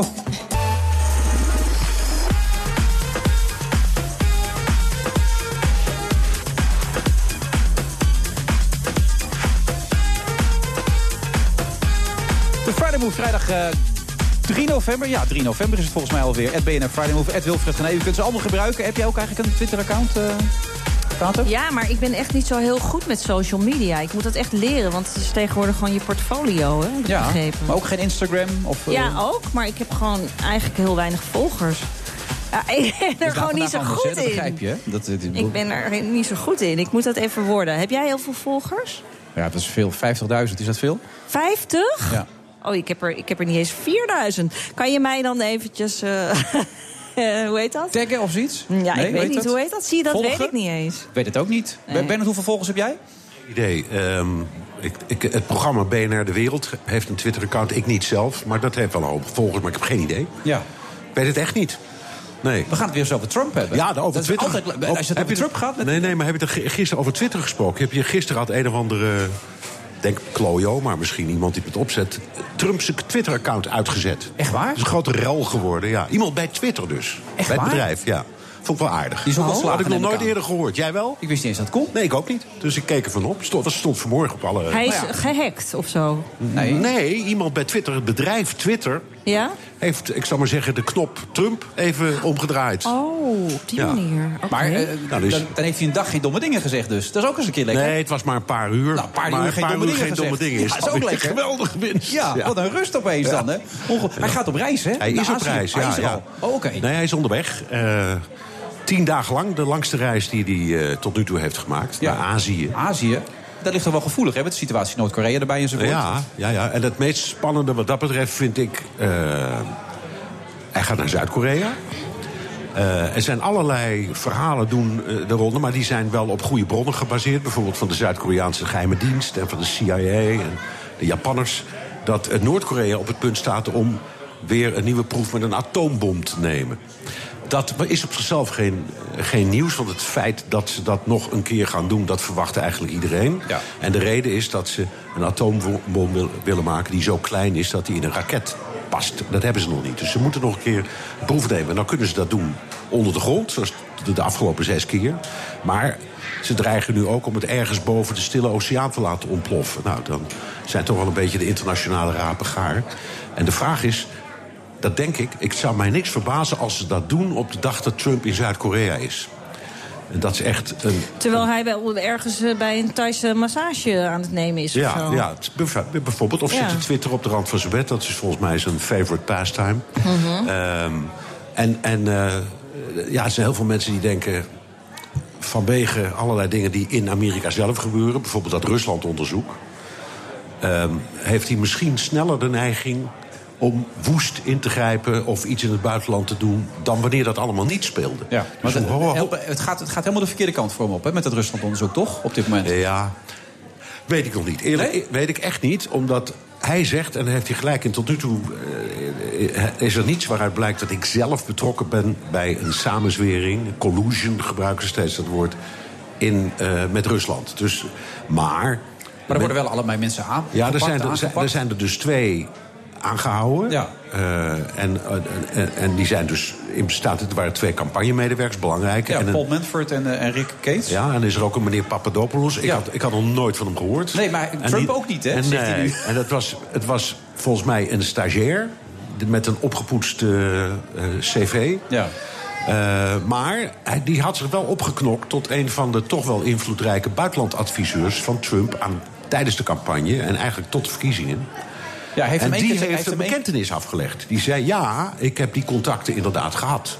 Met Rusland, ja. Dus van die drie die zijn gearresteerd, is deze, ik zal maar zeggen, stagiair veruit de spannendste en de meest. Ja, en Trump zegt over, heeft hem één keer meegemaakt bij een vergadering. Kan hij zich niet meer herinneren. Het was een hele erg onbelangrijke vergadering die lang geleden plaatsvond, Ja, zegt hij ook. ja, nou misschien heeft hij gelijk, maar misschien ook niet. En, en, en wat die onderzoeker eh, eh, eh, Muller duidelijk wil maken. Want die, het, zijn niet voor niets deze drie mensen. Ja. Hè, die, die Manafort en Gates waren echt toppers in de campagne. En die meneer Papadopoulos die komt helemaal uit het niks. Zomaar opduiken. En ik denk dat hij duidelijk wil maken... ik zoek echt in alle kieren en hoeken. Ja. En ook niet alleen naar eh, republikeinen. Want Trump riep meteen... eh, waarom valt hij mij lastig? Waarom gaat hij niet achter crooked Hillary en de democraten aan? Maar hij, heeft nu ook, hij voert nu ook onderzoek bij een lobbyfirma van een zekere meneer Tony Podesta. En dat is weer een broer van John Podesta. En John Podesta was de campagneleider van Hillary Clinton. En daar zit ook, zit ook allerlei vuiltjes. Daar heeft hij ik, Manafort... ik hoor jou zeggen, Bernard, dat, dat je denkt dat hij nog niet zozeer in de problemen gaat komen... als ik het zo hoor. Nou, ik weet het gewoon niet. Nee. Eh, de, de kans wordt groter. En er stond stonden vandaag weer in allerlei media... eh, eh, verhalen over dat hij nu ook dat het, het Witte Huis steeds meer in chaos komt, omdat een heleboel mensen op het Witte Huis diezelfde vraag stellen en denken het zou best eens tot een impeachment, tot zo'n afzettingsprocedure. Zo jij zegt, het is nog nooit eerder gebeurd eigenlijk. Dat gaat niet zo snel Nee, gebeuren. wel. De impeachmentprocedures zijn wel vaker geweest. Denk aan eh, Bill Clinton, die heeft het net Ja, gewonnen. zou ik zeggen, die met één, met één Ja. stem Ja. heeft hij dat destijds net gered. En dat is wel meer, vaker gebeurd. Maar het is ongebruikelijk. Maar de- op het Witte Huis zelf zijn ze er bang voor. De contacten die zijn gelegd met die meneer Papadopoulos... en ook andere contacten, daar schijnt de schoonzoon... de ideale Ja, Jared, schoonzoon. Jared Kushner... weer bij betrokken te zijn. Dus nu las ik net, eh, voordat ik hier in de uitzending kwam... dat eh, eh, Trump woest is op zijn schoonzoon... want die heeft die verkeerde contacten gelegd. Die heeft ook toegegeven, al in een eerder stadium... dat hij zulke contacten heeft gehad. Want tegen Jared Kushner hadden ze gezegd... wij hebben iemand, ik heb een leuk Russisch contact... en daar kan ik je mee eh, laten praten. En die heeft allerlei vuiligheid over Hillary. Wil je dat zien? Nou, Jared Kushner, ik wel. En als het wat is, dan doen we er wat mee. Uiteindelijk zegt hij, is dat niks geworden. Maar al die documenten die dat bevestigen, die zijn er... en die heeft hij inmiddels ook overhandigd. Dus al die mensen in de periferie, die komen echt in moeilijkheden. Maar tot nu toe is er geen, nog geen duidelijk bewijs... dat Trump zelf hierbij betrokken was... of er zelf een rol in heeft gespeeld of er zelf van wist. Als blijkt dat hij maar bij één van die gesprekken is geweest... waarvan hij nu zegt, ja, dat weet ik niet meer... dan zijn echte rapen gaar. Dus het is op het randje. Mm, Ja. Dat wordt spannend dan. Hartstikke spannend, ja. ja. Ik Nou, vind dat hij er nog lang zit. Ik had dit veel Nee, eerder maar ja, maar dat is een. Ja, dat, dat, dat zeggen veel mensen. Dat, daar kun je van vinden wat je vindt. Ehm, eh, Ja. er, is, er is, zeggen wettelijk. eh, Is, kun je niks. Je kunt de president alleen maar afzetten als hij een strafbaar feit heeft gepleegd. Nou, daar is meneer Muller Zijn ze nog met zijn belastingen bezig? Of zo? ja, het kan zijn. Dat is ook zoiets. Het kan best zijn dat die meneer Muller in, in, in het onderzoek op iets heel anders stuit. Hè. Denk, denk aan Clinton. Dat ging uiteindelijk om Monica Lewinsky. Maar die Monica Lewinsky was bijvangst in een heel ander onderzoek. Dat ging over een stukje grond waar meneer en mevrouw Clinton in hadden geïnvesteerd. En waar verdenking was dat er iets corrupts was gebeurd. Daar ging het onderzoek over. Ja. En ergens in de, bij, in, in, in de bijvangst zat dan Monica Lewinsky. En daar ging uiteindelijk de afzettingsprocedure over. Dus dat weet je niet. Maar heeft als hij, als, hij geen, als hij geen strafbaar feit heeft gepleegd... en tot nu toe zegt hij dat is niet zo... en er is niemand die kan tot nu toe ook maar enig bewijs heeft dat het wel zo is... kun je hem niet afzetten. Het enige wat je zou kunnen doen, dat hebben we het al eens eerder over gehad... is iets dat heet artikel 25, het grondwet. Dat is een onbekwaam be- verklaren. Dat is in Amerikaanse geschiedenis nog nooit gebeurd. Gaat hier ook niet gebeuren. Maar ondertussen zit hij nu in het vliegtuig naar Azië. Ja. Wat wil hij dan bewerkstelligen? Je zegt, Nou, in de eerste plaats is hij tien dagen van het gezeur af, denkt hij. Alleen, dat hele perscorps van drie, 350 man en vrouw reist mee. En dus reist Muller ook gewoon mee. Ja. Dat, ja, dat Ruslandgate, dat reist gewoon mee, hoor. En overal waar die land zullen de vragen weer op hem af worden gevuurd. en, Eh, en als dan Noord-Korea iets doms doet... dan denk je dat hij een nog korter lontje heeft dan normaal. en dat, hij is, dan dat, is, dat, dat is een beetje mijn angst, en niet alleen van mij. Dat hij denkt, ja, ik sta een beetje met mijn rug tegen de muur. Ik word nog maar wat assertiever, zal ik maar zeggen. Of agressiever dan ik eigenlijk zou willen. Of dan ik Een beetje eigenlijk ben. paniek. Misschien. Be- een beetje, ja. In, Maar in zulke gekke dingen als in House of Cards Ja. is gebeurd... dat denk je niet dat hij allemaal op zijn geweten heeft. Dat, Nee, mensen, die, hè, dat kom is- op, die, die, nee, die dat tegenstanders Afleidingsmanoeuvres. Ja, en mensen laten vermoorden. Kom op, zeg. Nee, Ja. natuurlijk niet. Daar gaat dit onderzoek ook niet Nee, over. dat weet ik ook wel. Nee, maar nee. ik moet- maak een bruggetje. Want zometeen hebben we Jan Driessen. Dan gaat het over Kevin Spacey en House of Cards. Dus ik denk, Ja. ik maak een bruggetje. Ik vind het wel een mooie titel, want het is in elkaar gestort, het House of Cards. Ja, dat je wel stellen inderdaad. Nou, hè? We gaan hem in de gaten houden. Je bent er binnenkort weer bij toch eh, hier, Bernard? Absoluut, ja, maar. Bernard Hammelburg, de man met de mooiste stem van Nederland. Vind je ook niet Nou, een mooie hele stem, mooie stem. Prachtige stem. Inhoud ook goed, alles fijn. Ja. Prima. Jan Driessen zo, tot zo. BNR Nieuwsradio. The Friday Move. Voor ons is het regeerakkoord een beginpunt. Hier we jaar zou ik zeggen. Dus het is twee mogelijkheden. Geen wet of wel een wet. Nou, dat is toch eh, fijn dat ze elkaar eindelijk gevonden hebben. Na al die tijd. Dat is wel stevige taal. Wilfred Gené. Op de dag dat Kevin Spacey niet meer welkom is bij ING en Ahoy... en Josias van Aarsen, de waarnemend burgemeester in Amsterdam is geworden. Tot half zeven zit zij er. Datum dagenlet. Hallo. Hallo. Hallo. Hallo. Wie is daar? Allemaal live bij de Friday Move van de, de Skylounge, het Doubletree bij Hilton Hotel in Amsterdam. Inmiddels aangeschoven communicatiedeskundige. Wat een prachtig woord is het toch. Jan Driessen. Goedendag. Hallo. Hallo. Hallo. Hallo. Hallo. Hoe is het? Hallo. Kunnen we goed communiceren, hè? Ja, dat kunnen we uitstekend. Het is wel grappig trouwens bij jou, eh Tatum. Ik, ik, ik mag je nu een anderhalf uur interviewen. Er zit zo'n een soort inslagtijd bij jou. Je hebt een vrij onbewogen gezicht als ik jou een vraag stel.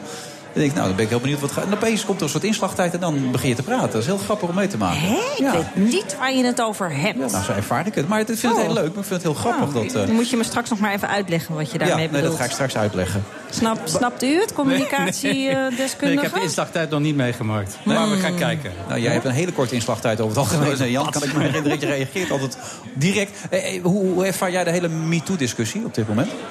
Ehm, ja. We hadden het er net even over met ehm Katelijne Buitenweg natuurlijk van GroenLinks. Ja, die ook zei van, weet je, het is allemaal MeToo en zeggen wat je niet wil. Maar je kunt ook wel zeggen wat je wel wil. Ehm, maar het, het- er speelt veel de af- afgelopen dagen. Eerst met Jelle Brand voor, vorige week en nu met Kevin Spacey. Dat soort dingen, allemaal ongewenste intimiteiten. En ik lees dat en ik heb daar wel eh, ideeën over. Maar ik vind het lastig.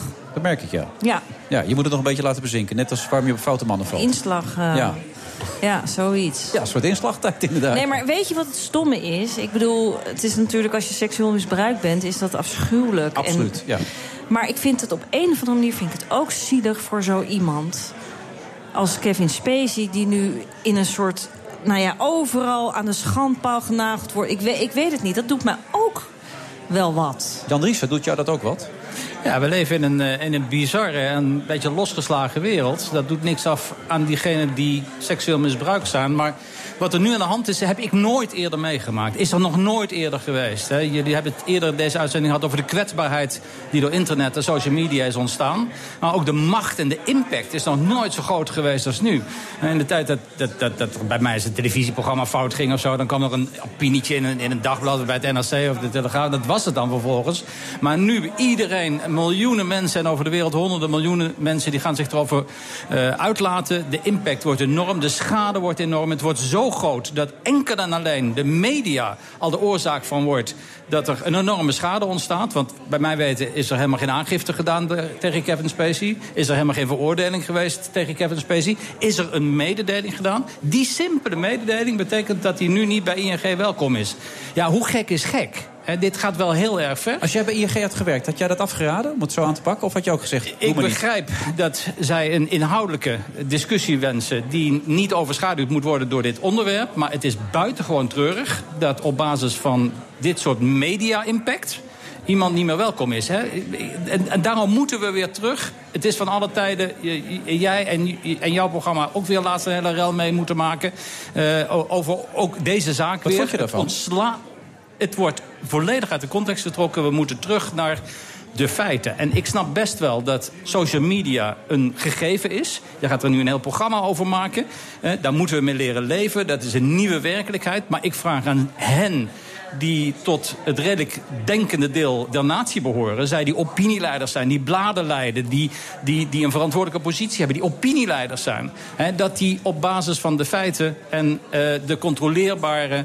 eh, waarheid. Eh, we waren altijd waarheidvinders als journalisten. Communiceren. En niet op basis van het onderbuikgevoel. En maar wat roeptoeteren. Op basis van emotie. Die schade die dergelijke mensen met zich meebrengen op dit moment. is veel en veel te groot. Ik zie individuele tweets van mensen die ik hoog heb. En die, Barbara Barend bijvoorbeeld. Bijvoorbeeld Barbara Barend. Die helemaal losging. Die helemaal los Dam. Die 50.000 volgers heeft. En dan denk ik, Barbara, dit kan echt niet. Nee, ze heeft de meest verschrikkelijke woorden, vieze verkrachter, dat soort dingen stond Niet, er allemaal in. niet op basis van wat ik op dat moment dacht. En ik weet net zo min als Barbara wat er in die slaapkamer precies gebeurd is. Eh, dat weten we geen van allen. Maar dan moet je je inhouden op social media. En dan moet je allereerst... Er was toen helemaal geen aangifte gedaan. Eerst eens even wachten. Eh, dan stap je of naar een psychiater of naar een rechter. Maar laten we dit niet uitvechten op social media. Of op tv. Vond je het juist dat Gijs van Dam eh, bij Pauw een podium kreeg? Op het moment dat dit zo explodeert. eh, vroeger eh, was het helder. dan had je het NOS-journaal... je had een actualiteitenrubriek als Brandpunt of Netwerk... en je had een paar kranten. En dan was het adagium eh, en de raad van veel communicatieadviseurs... wrijf maar niet in een vlek, het gaat wel over. Want ja, de Telegraaf kan niet vijf keer achter elkaar diezelfde opening hebben. Dus dan ging het wel over. Tegenwoordig gaat dit niet meer over. Het blijft staan, het zit op sites, het zit op opinieblogs... het komt terug, het wordt herhaald en herhaald en herhaald. Dus je moet die, weg, die vlek wegwrijven. En dan is eh, zelf daar gaan zitten en op basis van jouw feiten een weerwoord geven. De enige denkbare weg die, die, die nog open is op dit moment. En ik hoop dat verantwoorde personen in dit land dat dan ook respecteren. Maar dat geeft opnieuw weer een hele golf van emotionele en onderbuikgevoelens, tweets en, en berichten en, en, en, en commentaar. Ik denk dat we weer tot wat rust moeten komen uh, met z'n allen. Hoe, heb, je, heb je het interview gezien bij Pauw van Gijs van Dam? Nee, dat heb ik niet gezien. Dus daar kan ik alleen maar van een afstand uh, over oordelen. En wat inderdaad zo is. Ik vind, weet je, je kan een mening hebben als, je, als de feiten duidelijk zijn. Ik bedoel, als ik van iemand weet, een kinderverkrachter die honderd uh, kinderen heeft verkracht. Oké, okay, weet je, onder de, is. onder de groene zoden ermee. Ja.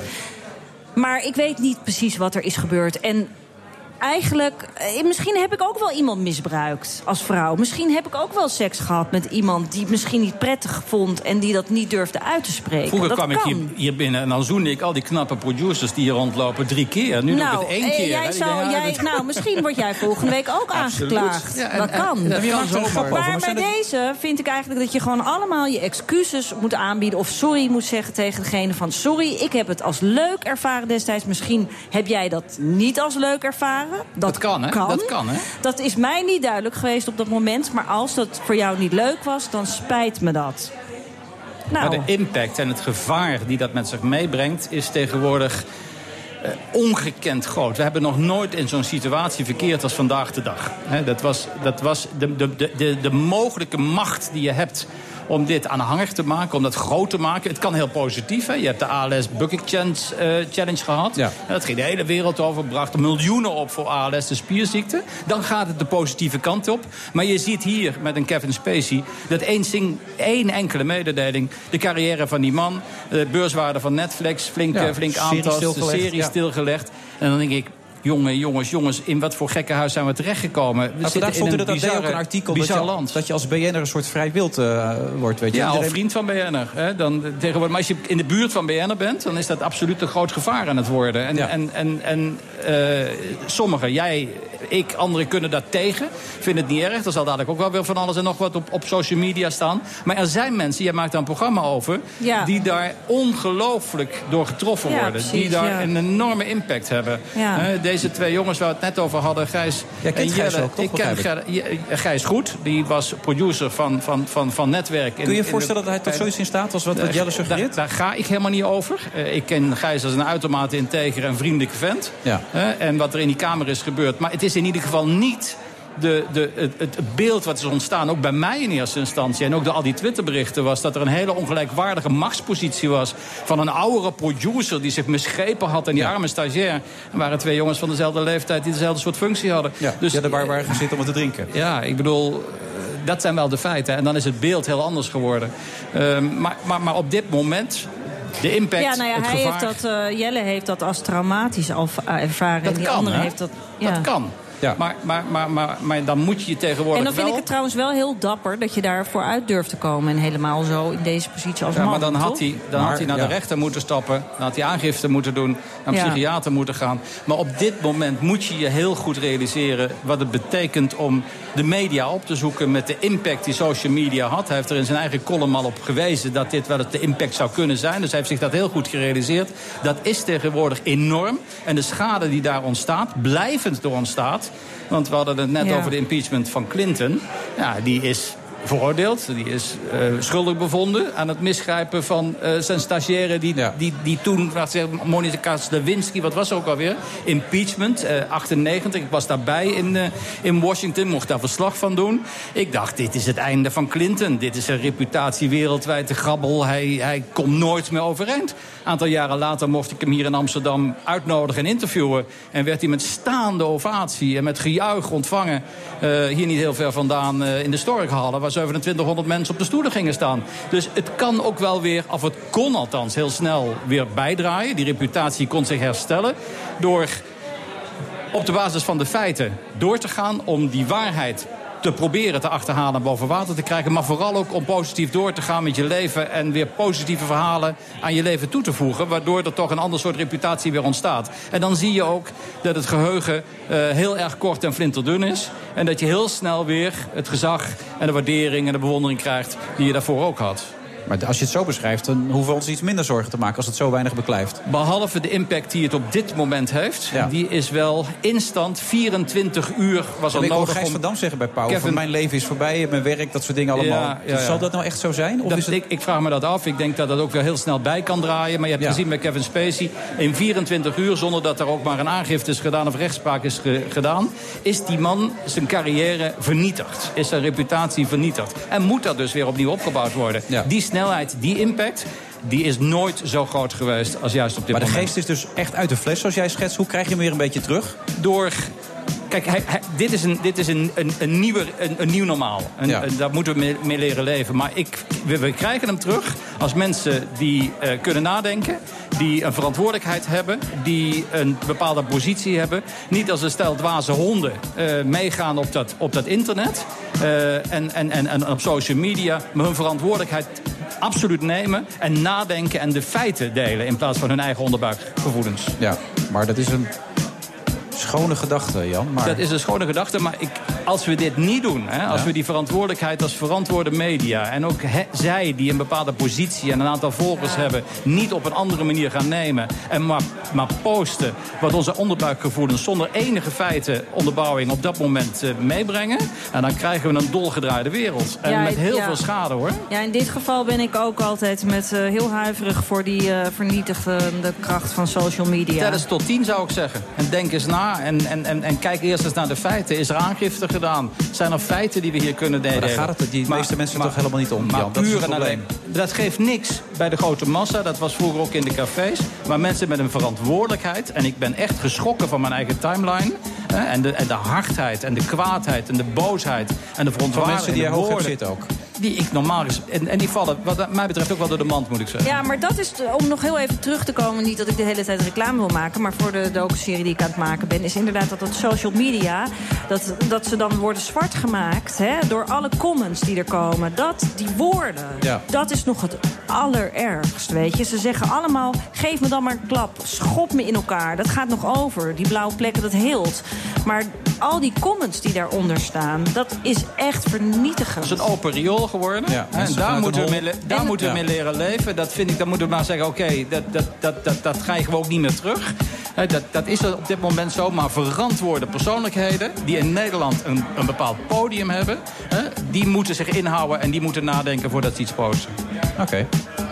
Dankjewel, eh, Jan. Graag gedaan. We gaan zo nog door. Ja, tot zo, na de reclame.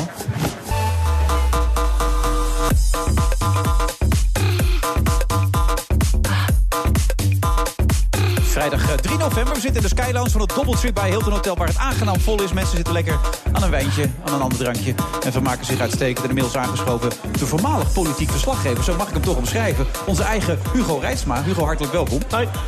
Hoe is dat nou in een andere rol die je aan te schuiven? Deze rol bevalt me prima af en toe naar Barcelona te moeten, moet ik zeggen. Want daarvoor ben je hier natuurlijk aanwezig. Eh, eh, wat is het eerste wat bij jou opkomt als ik zeg Tatum Dagelet? TV, films, maar... eh, Ja. Nou, dat schiet niet echt op. eh. ik had was, dat spectaculair- was dat verkeerd? Nee, dat was een eh, hele Volgens mij is het natuurlijk wel... eh, doorsnee ik probeer altijd de kern van de feiten goed op, op orde te hebben. De Nou, kern van de prima, feiten. Is toch? dat voldoende of niet? Ik vind, het, eh, ik vind het hartstikke voldoende. Had je op iets gehoopt of niet? Nee joh, je moet nooit op iets hopen. Verwachtingen, dat... eh, Hoop en verwachting is niet iets wat in jouw leven Jawel, voorkomt? je mag best op iets hopen, maar in dit geval, nou ja. Hoop je nog een keer verliefd te worden binnenkort? Nou, dat hoef ik niet te hopen, want ik word heel snel verliefd. Oh. Ja. En is dat nu ook, het geval dan? Nee, nee, het is nu niet het geval. Maar zou je wel willen? Kijk me nog eens wat zwoeler aan. Nee, ja, ik denk, vraag het even. We zijn er toch? Nee. Nee? Nou ja, Sander was een leuke jongen, toch? Of schimmelpenning? Ja, nee, maar het is niet dat ik verliefd word eh, om- alleen maar als ik iemand aankijk. Ik, nee, nee, dat, zo snel gaat het nou ook weer niet hoor. Wel iets van diepgang. Ja, heel diep. Heel diep. Hé, hey, maar vertel eens over Barcelona. Oh ja, Barcelona, daar Oh zouden we het over ja, hebben. Ja, ja, ja, vertel Ja, eens over Barcelona. Catalonia? Catalonia, Barcelona, lekker weer. Heerlijk. Ja, ik moest ja. er ook de hele tijd in het weekend zijn, dus niks te klagen. En eh, zeker bij het referendum was het ook een fantastische sfeer. Want toen had iedereen zich ook een beetje verenigd onder dat credo van votarem, we, we gaan stemmen. Dus dat was meer dan alleen de, de hardcore onafhankelijkheidsbeweging. Maar ook mensen die gewoon zeiden, wij moeten ons kunnen uitspreken. En ja, ze waren toen bijvoorbeeld die stemlokalen waren in allemaal scholen. En er was de dreiging dat de politie die scholen in het weekend zou sluiten. Op, na vrijdag, nadat de scholen uit waren gegaan. Dus toen ging iedereen die scholen bezetten. Met onder het mom van, ja, we hebben gewoon een leuk feestje hier. Dan hadden ze een origami-cursus en daarna een pyjama-party. Gewoon om die school maar open te houden. En ondertussen zeggende tegen de langskomende politie... van nee, dat heeft niks met het referendum te maken. Dus dat was heel leuk. De sfeer was nu, afgelopen weekend, toch wel een beetje anders. Ik merkte wel dat mensen zich zorgen maken. Wilfred is ondertussen Ja, Wilfred is in de knop totaal niet aan het microfoon. meeluisteren. Maar gelukkig kan Tatum wel is naar me gewoon luisteren. helemaal met zijn eigen dingetje bezig. In, in de war. Maar ga door, nu was het een andere sfeer. je Doe merkt eens eventjes mensen zich wel geïnteresseerd, joh. een beetje Ik luister zorgen echt, maken. ik luister echt wel. Andere sfeer, vertel door. Andere sfeer. Mensen maken zich wel een beetje zorgen. Je hebt natuurlijk altijd nog de mensen die heel erg voor eenheid zijn... of heel erg voor onafhankelijkheid. En die houden gewoon hun positie vast. Maar je merkt wel gewoon de normale mensen... die niet met een vlag om hun nek lopen... die maken zich wel een beetje zorgen over hoe het nou verder moet. Eh, Het grappige is, een anderhalf maand geleden, misschien twee maanden geleden... zat Bernard hier, Bernard Handelburg. En die zei, ja, dat, dat loopt allemaal wel los. Toen moest hij een paar weken geleden toch erkennen... dat het niet zo los is gelopen als hij verwacht had. Wat is nou jouw verwachting op deze situatie dan? Nou, het zou alsnog los kunnen lopen... in de zin dat Madrid nu op 21 december verkiezingen heeft verordoneerd. En daarvan uh, Puigdemont, de afgezette Catalaanse president, heeft gezegd... nou, oké, laten we dat dan doen. Nou, dan zou je, want je hebt natuurlijk nu een gekke situatie. Je hebt een minderheidsregering, zowel overigens in Madrid als in Barcelona. Je hebt die hele harde onafhankelijkheidsstrijd... terwijl het eigenlijk veel meer begon over verdergaande autonomie. En als je je nu kan gewoon verenigen in een echte stembusgang... zonder politiegeweld, uh, waaraan iedereen meedoet... dan, kan je, dan zou dat misschien het begin van een oplossing kunnen zijn. Het begin van een gesprek. Maar het lijkt er in elk geval niet op dat Madrid nu uh, op die lijn zit... met het, het zelfs in de gevangenis gooien van een aantal van die Catalaanse ministers. Ja, en, en die Puigdemont, die is er van tussen gedaan. Die... Ja, die is de hele tijd zoek, die Ja. man. Ja. Hoe vinden ze dat daar in Catalonië? Vinden ze een beetje lafbek of zeggen ze, nou, dat begrijpen we wel? Ja, ik... eh, ik moet zeggen, ik sprak daarna. Ik stond daar op dat plein eh, voor het regeringsgebouw. Omdat we in, in het begin nog in de veronderstelling was dat die man daar binnen zat. Ja. Voordat hij eh, eh, naar het buitenland bleek te zijn uitgeweken. Ja, daar spreek je dan weer allemaal van die mensen met vlaggen om hun nek. En die zeiden, nee, misschien is dit wel verstandig. Anders wordt hij ook gearresteerd. Ik moet zeggen dat het mij wel verbaasde, hoor. Als je het zo hard speelt. Als, hij, hij is de man die vorige maand zijn kiezers de straat op heeft gestuurd. Ja. Hè, met gevaar voor hun eigen veiligheid, zoals wel is gebleken. En dan op het moment dat je zelf in gevaar komt, dan vlucht je naar België. Ik vond dat wel bijzonder. Maar wat zijn zijn opties eigenlijk? Waar kan hij allemaal terecht? En wat gaat hij doen, denk je? Ja, ik kan nergens terecht. Eh, ik geloof dat er dus in België een theoretische mogelijkheid is van politiek asiel vanuit een ander EU-land. Maar dan moet je dus aantonen dat je daar gewoon je leven niet zeker bent of zo. Dus dat, is, dat, dat gaat niet werken. Wat hij daarmee wel kan doen is het probleem nu weer op het bordje van Brussel proberen te leggen. Tot nu toe te vergeefs. Ja. Hè, maar hij wil eigenlijk dat de Europese Unie bemiddelt tussen Madrid en Catalonië. Uiteindelijk zijn toch maar 40% van de, de, de, de Catalaanse bevolking naar de stembus gegaan, of niet? Voor die verkiezingen. Ja, voor die- het referendum. Ja, voor het Ja, referendum. de- ja. Dus de mensen die voor eenheid waren, die zijn niet opkomen dagen. Daarom kreeg je ook die uitslag van 90% voor onafhankelijkheid. Maar bij de laatste parlementsverkiezingen was het bijna 50-50. Hele kleine meerderheid voor onafhankelijkheid. De laatste peiling die ik heb gezien was zelfs weer een kleine meerderheid voor eenheid. Dus je moet je niet van het pad laten brengen door, door dat hele stellige Catalaanse verhaal van wij worden onderdrukt, wij willen onafhankelijk worden. Je hebt dus misschien wel een meerderheid van die wij, van die Nou, Catalanen, die me- eigenlijk voor eenheid is. Maar als dat gebeurt bij die verkiezingen van 21 december... is toch alles weer opgelost? Dan ben je, of, of... Nou ja, als, als de separatisten winnen op 21 december... dan heb ik geen idee wat er dan gaat Nee, gebeuren. dat is waar.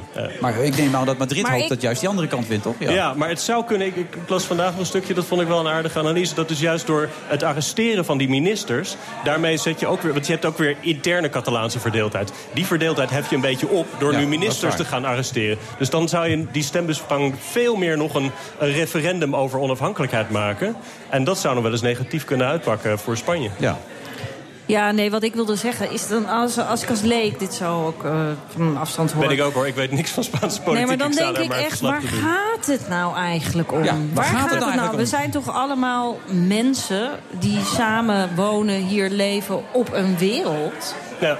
Dat is het toch? Ik moet zeggen dat ik daar ook niet heel erg door overtuigd was. Die, die onafhankelijkheidsbeweging dat is absoluut eh, leuk en hip en jong en stellig. En die hebben ook een mooi verhaal over... wij zijn eigenlijk veel internationaler dan die Spanjaarden. Zij zien Madrid als een beetje een achterlijk gebiedje. Catalonië, dat is pas echt een wereld, uh, een open natie... Die, die in Europa wil staan, vrij van allerlei... zeg maar bijvoorbeeld een strikte abortuswetgeving. Ja, Madrid komt... Hè, dat, is, ze hebben op zich best een sympathiek verhaal. Maar als je dan vraagt, maar wat wil je dan? Je zit uit de EU, je zit uit de NAVO. Je belangrijkste buur, dat zal nog altijd uh, de, de, Spanjaarden zijn. En moet je die Spanjaarden dan vertrekken uit Barcelona... Ja. ja, dan hoor je eigenlijk niet echt een heel erg overtuigend antwoord. Het is vooral ook een heel erg emotioneel ding. Een emotie die is gevoed ook door de afgelopen jaren van uh, de, de nationalisme in het onderwijs. En iedereen die elkaar een beetje opstookt. Daardoor is heel snel een, een, een minderheidspositie voor onafhankelijkheid... is een misschien bijna meerderheidspositie geworden. Maar jij begrijpt niet omdat we allemaal mensen zijn... maar het is natuurlijk ook een vorm van ja, identiteit. Ja, maar ik vind hè, ook dat het allemaal zo moe... Ja, inderdaad, het is bijna nationalistisch. Ja, en, maar- weet je, ik bedoel, wat heeft die brexit nou in godsnaam opgeleverd ook? Weet je, dat soort dingen. Ook dat En- heeft weer te maken dat je, heel veel mensen willen blijkbaar ergens bij horen. En dit is ook, het Catalaanse volk is heel trots. Althans, een groot gedeelte daarvan. Het is een soort Ja. vorm van identiteit. Ja, identiteit maar dat, dat vind ik allemaal zo nodig hebben om te kunnen bestaan. En dat ik denk van, jezus jongens, we zijn toch allemaal citizens of the world. Come Jij voelt je wereldburger. Je voelt je ook niet zozeer Nederlander, maar meer gewoon inwoner van de aarde. We moeten het toch allemaal samen doen met elkaar. En come on, Ja. weet je. Nou, zo, als je het zo stelt en als iedereen zo zou denken... zou je dit soort ellende niet hebben natuurlijk allemaal. Maar nu moeten we kijken naar 21 december. Dat is pas weer een, een maatstaf van wat de situatie... eh, Ja, en wat er daarvoor gebeurt, hè? wat die Puigdemont nou weer gaat doen. Ik heb geen Ja, idee waar afstand nou precies zit en wat hij van plan is. Hij zegt dat hij gewoon zijn werk wil blijven doen. Maar dat werk is er niet meer, want hij is afgezet. Ik heb geen idee hoe hij nou deze periode wil doorkomen. Maar daarin wordt heel belangrijk om te zien of dus in elk geval die onafhankelijkheidsbeweging... of die de eenheid houdt. Als ze dat lukt, dan zouden ze op 21 december kunnen winnen van het pro-eenheidsblok. En dan heeft Spanje een heel groot probleem. Dan zullen ze denk ik toch echt moeten gaan praten met die separatisten. Iets wat ze tot nu toe hardnekkig hebben geweigerd. wat, wat voor straffen kunnen die ministers krijgen eigenlijk? Die nu, eh, Alleen al voor eh, de, wat was het, rebellie, daar staat 25 jaar op. Dus dat is misschien wel reden om naar België te verhuizen. Ja, maar dan is het wel een beetje slappe hap dat hij weggegaan is... en die andere gasten hebben ze gewoon opgepakt dan. Dat vind ik ook wel een beetje, ja. Nou, hè? Eén voor alle, alle voor één. Wat is dat voor onzin allemaal? Je Ja, zit me dan- aan te kijken weer Ja, zo dan van- kijk je mij weer aan. Ja, nee, maar het is toch een eh, beetje sla- ik- slappe Ik hoef dan. me niet bezig houden Ja. met politiek, want dan ga ik Samen me uit, veel te samen druk thuis. maken. Nou, er is maar eentje hè, die eh, uit is. En de rest zit thuis. Dus eh, lekker verhaal dit allemaal. Uh, dankjewel. Wanneer ga je er weer naartoe? Ik hoop 21 december bij de verkiezingen. Ja, dat hopen wij ook. En dan kom je daarna hier weer langs. Oh nee, dat kan niet, want het is al kerst. Dan kom ik daarna. Ja, kom je na kerst. Ik denk dat dit nog wel een tijdje een verhaal blijft. Dat denk ik ook wel, inderdaad. Hmm. Nou, dat ging lekker, toch? Vond je ook niet? Ja, ja ik ben er nog niet verleerd. Gewoon in een andere rol. Oh, ja, lekker. Goed. Zometeen nog Arjen Erkel. En natuurlijk Laat hem gelet. Tot zo. BNR Nieuwsradio. The Friday Move. For those of us climbing to the top of the food chain, there can be no mercy. En het is precies die houding die in mijn ogen de plank mislaat. Ziet u de causaliteit niet? Nee, ik zie een correlatie. Mag ik dat? Mag ik dat? Mag ik dat niet zeggen? Wilfred Genee. 607 dagen. Zo lang was hij ontvoerd. Maar nu gaat Arjen Erkel het theater in.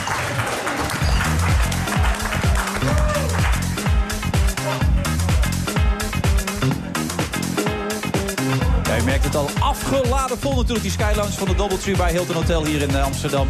Voor de Friday Move met de beats van DJ Thomas Robson.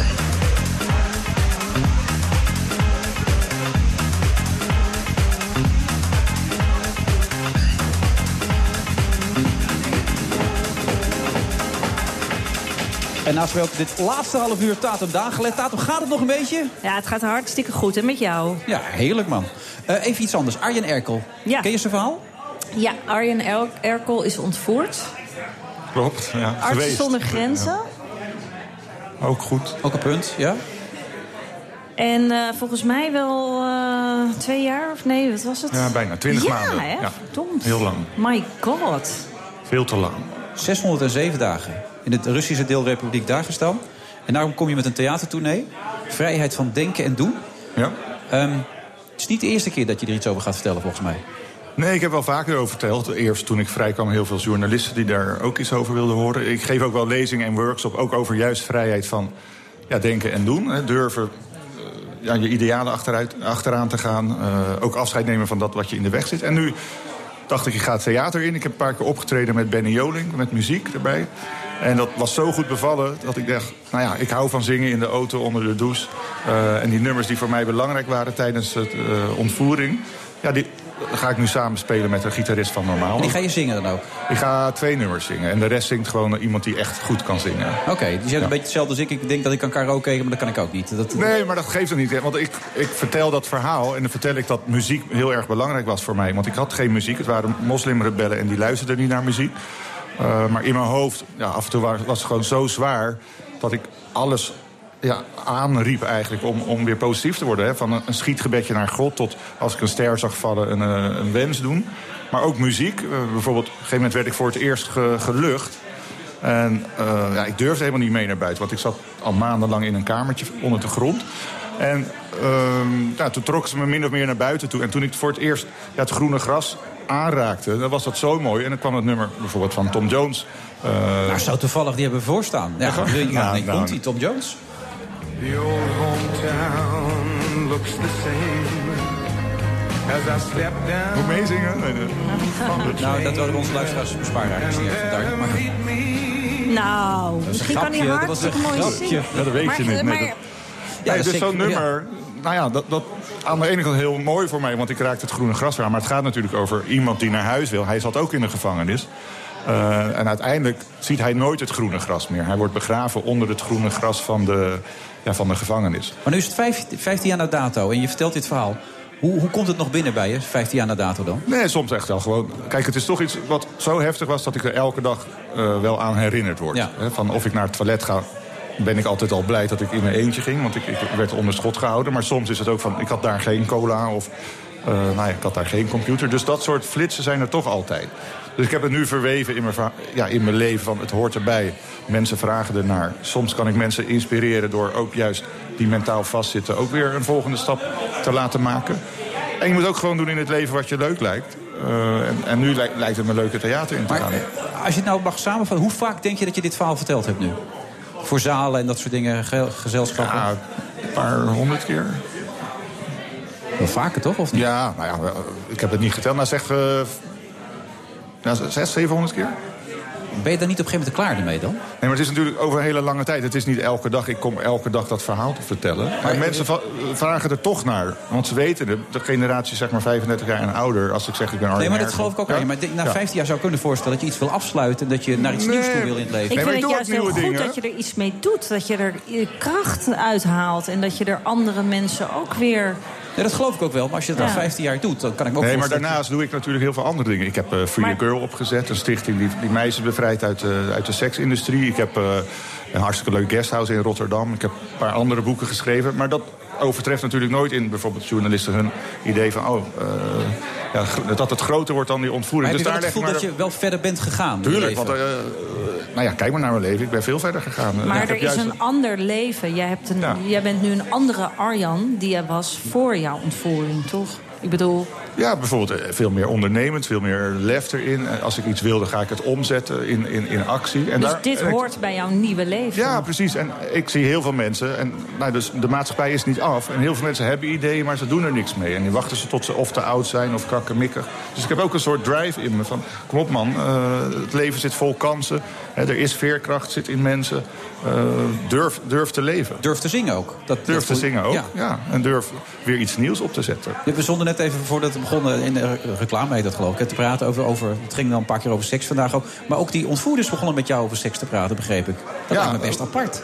Nee, dat was ook apart. Want ah, in het begin waren ze gewoon heel erg eh, nou ja, islamitisch. Dus je mag niet over vrouwen praten, je mag niet over seks praten. Want dat leidt af tot, nou ja, tot eh, het slechte, zeg maar. Maar gegeven in welke taal praten jij? in het? Russisch. Ik spreek wel aardig Russisch. Oh, Oké. Op een gegeven moment was de band toch iets beter geworden. En dan wilden zij, eh, kwamen ze met de verhaal van... in de, in de Kor- Koran staat wel dat anale seks niet, eh, niet mag. Maar over orale seks waren ze, ja, waren ze nog niet uit. En het was wel een taboe daar. Dus of ik daar iets over kon vertellen. Dus, eh, nou ja, dat, dat Wat kan. vertelde je toen dan? Nou ja, dat het gewoon eh, hartstikke lekker kan zijn. Als je het en doet en als het gedaan wordt bij je, zeg maar. Als een man bij een vrouw. Of vrouw bij een man. En ehm, ja, toen, het mooie was, toen ging, zij roleerde af en toe. Eh, en op een gegeven moment, ik had een man... Hé, maar ik vind het Ja? zo weird dat je met je ontvoerders... Over orale seks zitten praten. Ja. Ja, maar Ja, zij Hoe werden ook dat? nieuwsgierig, want zij wisten natuurlijk dat ik uit het westen kwam. En- ja, maar en- voel jij je dan op dat moment eh, genoodzaakt om de- daar antwoord op te geven? Want ik zou me kunnen voorstellen dat je denkt... hou je mel, ik heb geen zin om mijn Ja. geheimen bloot te geven aan jullie. Nee, of van, oh, straks eh, moet ik op mijn knieën gaan staan bijvoorbeeld... en het eh, voor gaan doen. Dus natuurlijk gaat dat door je hoofd heen. Ja. Maar aan de andere kant... Ja, ik ben ook vrij genoeg. Je moet je ook niet laten gijzelen door angsten. En, en, en als je ja, connectie wil maken... moet je soms ook even vertellen hoe, hoe dingen eraan toe gaan. Dus dat heb ik uitgelegd. En het mooie was dat... eh, Een paar weken later komt een jongen naar me toe en die zegt... ja, ik ben thuis geweest en ik ben toch nou ja, dat soort dingen gaan doen. En, en heb je nog meer tips? Dus het, het hielp ook. Oh mijn Ja. god, hij was Ja. gewoon een seksuoloog op een gegeven moment de, daar. de, de goede Liekens eh, van eh Ja, van dat had het programma voor jou kunnen zijn daar... om daar inderdaad wat eh, informatie te Nou, verspreiden. ik had niet in zijn schoenen willen Nee, dat denk ik ook niet. Ik denk Nee, dat niemand dat gewild heeft. Nee, maar het is daarvoor, wel kijk, er zitten heel veel anekdotes in. Het gaat over angst, het gaat over, over hopeloosheid, het gaat over eh, veerkracht. Dus het is wel gewoon, het blijft een mooi verhaal natuurlijk. En nu met die muziek die gewoon belangrijk was op momenten dat ik dacht van, daar heb ik wat aan. Bijvoorbeeld kerstliedjes of, of eh, ja, Maar een liedje over. Zong je ze daar? Of hoorde je ze daar ook? Zo- Zongen die jongens mee? Eh, Begrepen ze Nee, het? eh, nee, ze begrepen het niet. Het meeste waren in mijn hoofd, maar sommige liedjes zong ik ook hardop. En, en, en het mooie was, bijvoorbeeld Oerend Hart zong ik hardop. En, eh, ik- Oerend Hart? Ja, van, van Normaal. Ja, die ken ik. Oeh, Ja. oeh, oeh. Die ken jij toch ook, Tatum? Oeh, oeh, oeh. Ja, oerend hart. Kwamen zie ja, daar precies. ongescheurd. Oh, nou ben ik ook aan het zingen. Dus ook weer niet oerend hart, ja. Maar Is En dat muziek jouw redding geweest dan? Nou, het is zeker een, een, iets geweest om, om, een, eh, ja, om Een sterk te worden. Een houvast, maar ook om positiviteit in mijn leven te brengen. Maar daar. zongen die gasten daarmee? Want Nee, die hanen van de motocross. Dat, ja, dat zou ik zo kunnen. Dat ze bezig Langzaam reden. Dat deden ze nooit. Nee, maar wel Dat vonden ze dat ze- toch maar Ja, diep ja, ja. verknoord. Hij maakt Ja. het nu een beetje belachelijk. Maar Ja. het is wel zo dat ze mee gingen zingen. En dat is toch... Ik ook hoor. Ook met dames, laat die rokjes nou maar waaien. Nee, die, eh, die kenden ze Maar dan gingen ze echt meedoen een beetje Nou, en dat, dus het, het creëerde ook een soort respect en een waardering. Maar kreeg je dan ook niet een. Stockholm-syndroom op een gegeven moment? Dat je sympathie Nee, voor je ik, opvoeders eh, ik, kreeg? had, ik had voor mezelf gezegd, ik ga niet een moslim worden... en ik ga niet een, voor een vrij Tsjetsjenië vechten. En dat was gewoon de grens. Want bij Stockholm-syndroom dan moet je ook de idealen gaan eh, aanhangen van, ja, Ja. van je ontvoerders. Maar ja, ja, ik had ook gewoon... was wel best eng natuurlijk dat je met vier gasten met kalasnikovs en, en bivakmutsen gaat zeggen van... ik ga geen moslim worden. Ga je, en dan ben je echt- echt wel even van... Hmm, durf ik dat of durf ik dat niet? Maar ze Ja, vroeg het ook echt. Ja, ja, ja. Maar ja, ik, ik zeg maar, ik kom uit, het- uit het Westen. Ik ben ja, een beetje eh, Nederlands hervormd opge, opgegroeid. Dus ik- daar, daar blijf ik bij. Nou, ja, dat dwingt wel respect af om af en toe gewoon eh, gelijk antwoord te geven op iets wat je eh, ja, moet, moet zeggen. Zeg maar. Nou, dan heb je het over muziekvoorstelling. Je gaat zelf zingen. Dat, dat klinkt als een, als een probeert entertainmentachtige manier van nee, benaderen. het is Of- wel heel serieus gewoon. Maar Toch wel, want er zitten extreem si- serieuze situaties in die Ja, 607 ja, dagen. ja. Hoe ga je dat op het podium brengen dan? Hoe doe je dat dan? nou, aan de ene kant eh, do- door licht te laten zien hoe klein het kamertje was. eh, Maar is dat kamertje dan nagebouwd of nee, wat? het is echt een, een vierkant op het podium. Ja? Maar ook gewoon door, door te vertellen, soms even te laten zien hoe het was, hoe, eh, ja, hoe het overkwam. En dan, ja, in, ja, je vertelt het iets anders dan nu, zeg maar. Nu is het een beetje eh, Luchtig. Ja, wat, ja, luchtig. En daar, nou ja, ik kan, ik kan het natuurlijk ook op een... Op een eh, ja, theater is toch theatraler, dus dat je stiltes houdt... dat je even wat, wat minder hard praat, dat je wat eh, enthousiaster praat op momenten dat het... eh, Dus in vertelvorm, vertel, jij Ja, en soms naspelen. Ja, en soms speel je het zelfs ja, na. een klein beetje. Niet naast, ik ben natuurlijk niet een acteur, maar meer de belevenis laten zien, laat ik het zo zeggen. Hoe doe je dat dan? Ja, nou ja, bijvoorbeeld eh, op een gegeven moment zaten we in een auto... met, met een pistool tegen mijn hoofd en een pistool tegen de zijkant van mijn hart. Nou, dus dan laat je even zien hoe, dan, hoe bang je dan... Nou ja, want dan komt dat wel weer op. En dan laat je zien hoe je in zo'n auto zit. En dat je denkt van, nou, ik wil hier niet zitten. En, en ik, Maar zijn er dan ook acteurs die de ontvoerders spelen of zo? Nee, nee, nee. Het is eh, alleen eh, de, de gitarist en ik. Maar dat is, ja... Kan niet. Het is gewoon mooi om te zien, omdat het verhaal een mooi verhaal is. Ja. En muziek is voor heel veel mensen ook gewoon belangrijk. En dat belang van muziek, hoe het er maar doorheen trok... Ja, dat, dat geeft wel iets speciaals. eh. Komt het zien gewoon. eh. Ja, vanaf wanneer? Hoe en Van waar? 14 november in Rotterdam en dan 25 theaters. Ook in Amsterdam, 14 januari in Amsterdam. De kleine komedie. En het, ja... Anders, het is gewoon mooi, want anders kon ik het niet al 15 jaar lang vertellen. Er was er geen markt voor, laat ik het zo zeggen. Ja, maar mooi is niet helemaal wat je bedoelt. Hè? Ja, indrukwekkend, leerzaam. meeslepend. Ja, precies, leerzaam. Ja, goed dat Ja. je dat even, even zegt. Dank En is er een website waar je dat na kan kijken voor mensen die... Ja, ik kan op mijn eigen website zien, uh, arjanerkel.nl. Maar ook gewoon bij de theaters bij, bij u in de buurt. Oké, nou dat kunnen mensen bij deze doen. Hoe hoe het hart zit er dan ook in? Zeker, zeker. Ja. Nou, voor Nou. de fans van Normaal is het al Ja. een reden om te gaan Ja, er komen wel heel veel. Ja. Ja. Dat is ook wel weer leuk. Oké, nou heel veel succes Heel in het theater. Dankjewel. Ja. Ja, ga je er Ja, naartoe? Datum? Nou, het, het, ik, het heeft wel... eh, ja, ik vind, het klinkt heel bijzonder.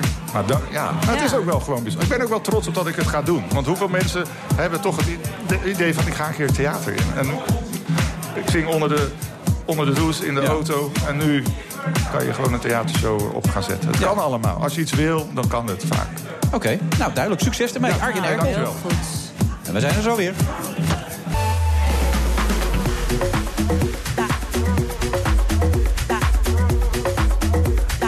We zitten in de absolute slotfase van deze uitzending van vrijdag 3 november. Naast me nog steeds staat op dagelijks. Die kijkt nu ook gewoon op de horloge van ik moet haast naar huis toe. Nee, nee, nee. Ik keek alleen maar... Oh, is dit alweer de laatste minuten? Ja. Ja, en we gaan zo nog even met je praten. Maar eerst gaan we naar Rob Jansen met Beurswatch. Jazeker.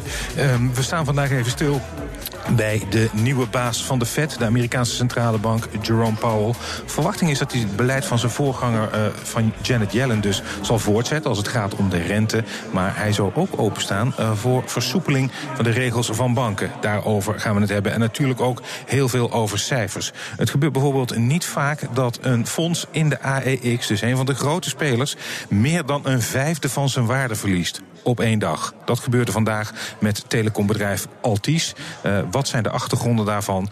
Axel Nobel maakt natuurlijk een eh, vlucht naar voren door een bod uit te brengen op het Amerikaanse Axalta. Ik ben benieuwd hoe mijn gasten daarover denken. En die gasten vandaag dat eh, zijn Mark Langeveld van ProBeleggen en Ralf Wessels van ABN AMRO. Dat is zo meteen Rob Jansen. Eh, naast je krijgt weer een bitterbal aangeboden, Tatum. Dus wil je nog eentje of zeg je van nou, doe maar even niet? Is er een kaasstengel? Kaasstengeltje? Ja, kan ook. Kaasstengeltje. Oh, lekker. Dip deze? Lekkere dip deze. Ja. En Misschien als jij hem even in je mond steekt, dan gaan we even luisteren naar jouw soundbeat. Die speciaal gemaakt is door onze eigen DJ Thomas Robson. Vandaag beginnen jullie aan één van de grootste avonturen van je leven. Wat er zeker op mijn lijstje staat, is dat ik zelf een film ga schrijven. Dat is, eh, daar heb ik heel veel zin in. Gratis in de auto rijden, gratis kleding, haring bietsen bij de haringkar. Ik had meteen zoiets van, nou, ik wil maatje worden. Het is zo hartverwarmend. Ik heb het allebei eigenlijk meegemaakt. Ik heb zelf wel eens tot mijn spijt iemand gepest. En ik ben zelf gepest. Laten we gewoon een diepte-interview doen dan, ja? Hoe groot is het lul?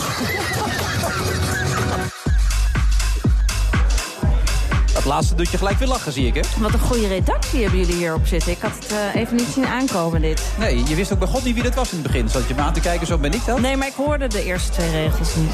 Nee. Je wilde ook nog een film schrijven, kwam voorbij op een gegeven moment. Klopt dat? Ja, ja.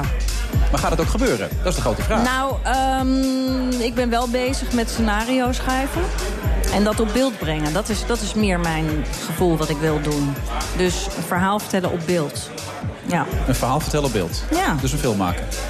Nou, hoeft niet in Nee? filmvorm. Kan ook in een andere vorm als er maar beeld bij is. Ik vind schrijven namelijk heel leuk. Maar soms dan wil ik het beeld erbij. Kun je goed schrijven? Eh, ligt eraan wat. Ik, ik zou niet een eh, politiek verslag eh, kunnen gaan schrijven. En ook niks over voetbal. Nee. Wel over voetballers, maar niet over voetbal. Ja. Maar ja, nee, dus het ligt er Saaie echt aan wat. ja. Ja. maar ik vind schrijven wel heel leuk. Maar even de dromen dan van Tatum Dagelet. Wat staat er allemaal nog op het lijstje dan? Nou, dat dus, ten eerste inderdaad. Een verhaal op beeld brengen. Een eh, goede moeder zijn, blijven eigenlijk. Dat vind ik ook heel belangrijk. En mijn kind op een goede manier achterlaten. Als ik dan nog een stap verder moet denken. Ja, Waarom begin je erbij te lachen dan? ja dat klinkt heel beladen. Dus dan probeer ik het iets minder beladen te maken. Ik vind het vervelend. De dat dood? Iets, dat, nou, dat iets beladen is en dat je Nou, ik vind het heel gek dat we er allemaal niet meer zijn. En dat we alle- allemaal eraan moeten geloven dat, dat, dat het een keer is afgelopen. Dat vind ik een heel raar idee. Maar vind je het niet lekker overzichtelijk? Je moet je toch niet voorstellen dat je leven oneindig is? Dan... Oh nee, dat is ook zeker saai? niet. Dat ook zeker niet. Maar als je in het leven staat, dan heb je toch ook het gevoel dat je onsterfelijk bent. Op een of andere manier. Ja, naarmate je ouder wordt verandert dat een beetje, vind ik persoonlijk zelf. Maar er is tot een bepaalde hoogte, van een bepaalde leeftijd... heb je het gevoel dat je onsterfelijk bent, dat je de wereld aan kan... en dat soort dingen allemaal. Ja, En nu wordt het heel filosofisch, dus we moeten ja een het beetje wordt mee heel filosofisch en zwaar. Maar dat is dus nog een droom. Je dochter goed, goed verzorgen tot het einde toe... en zorgen dat ze goed achterblijft. En, maar ambitieus, naast het beeld wat je wilt met schrijven enzovoort. Ja, nee, ik wil veel, qua werk wil ik veel te veel. En ik doe nu op dit moment ook heel veel leuke dingen. Dus... doet drie verschillende programma's, begreep ik toch? Ja, ik ben ook nog bezig voor AT5 en eh, op NH wordt het uitgezonden over het Maatjesprojecten.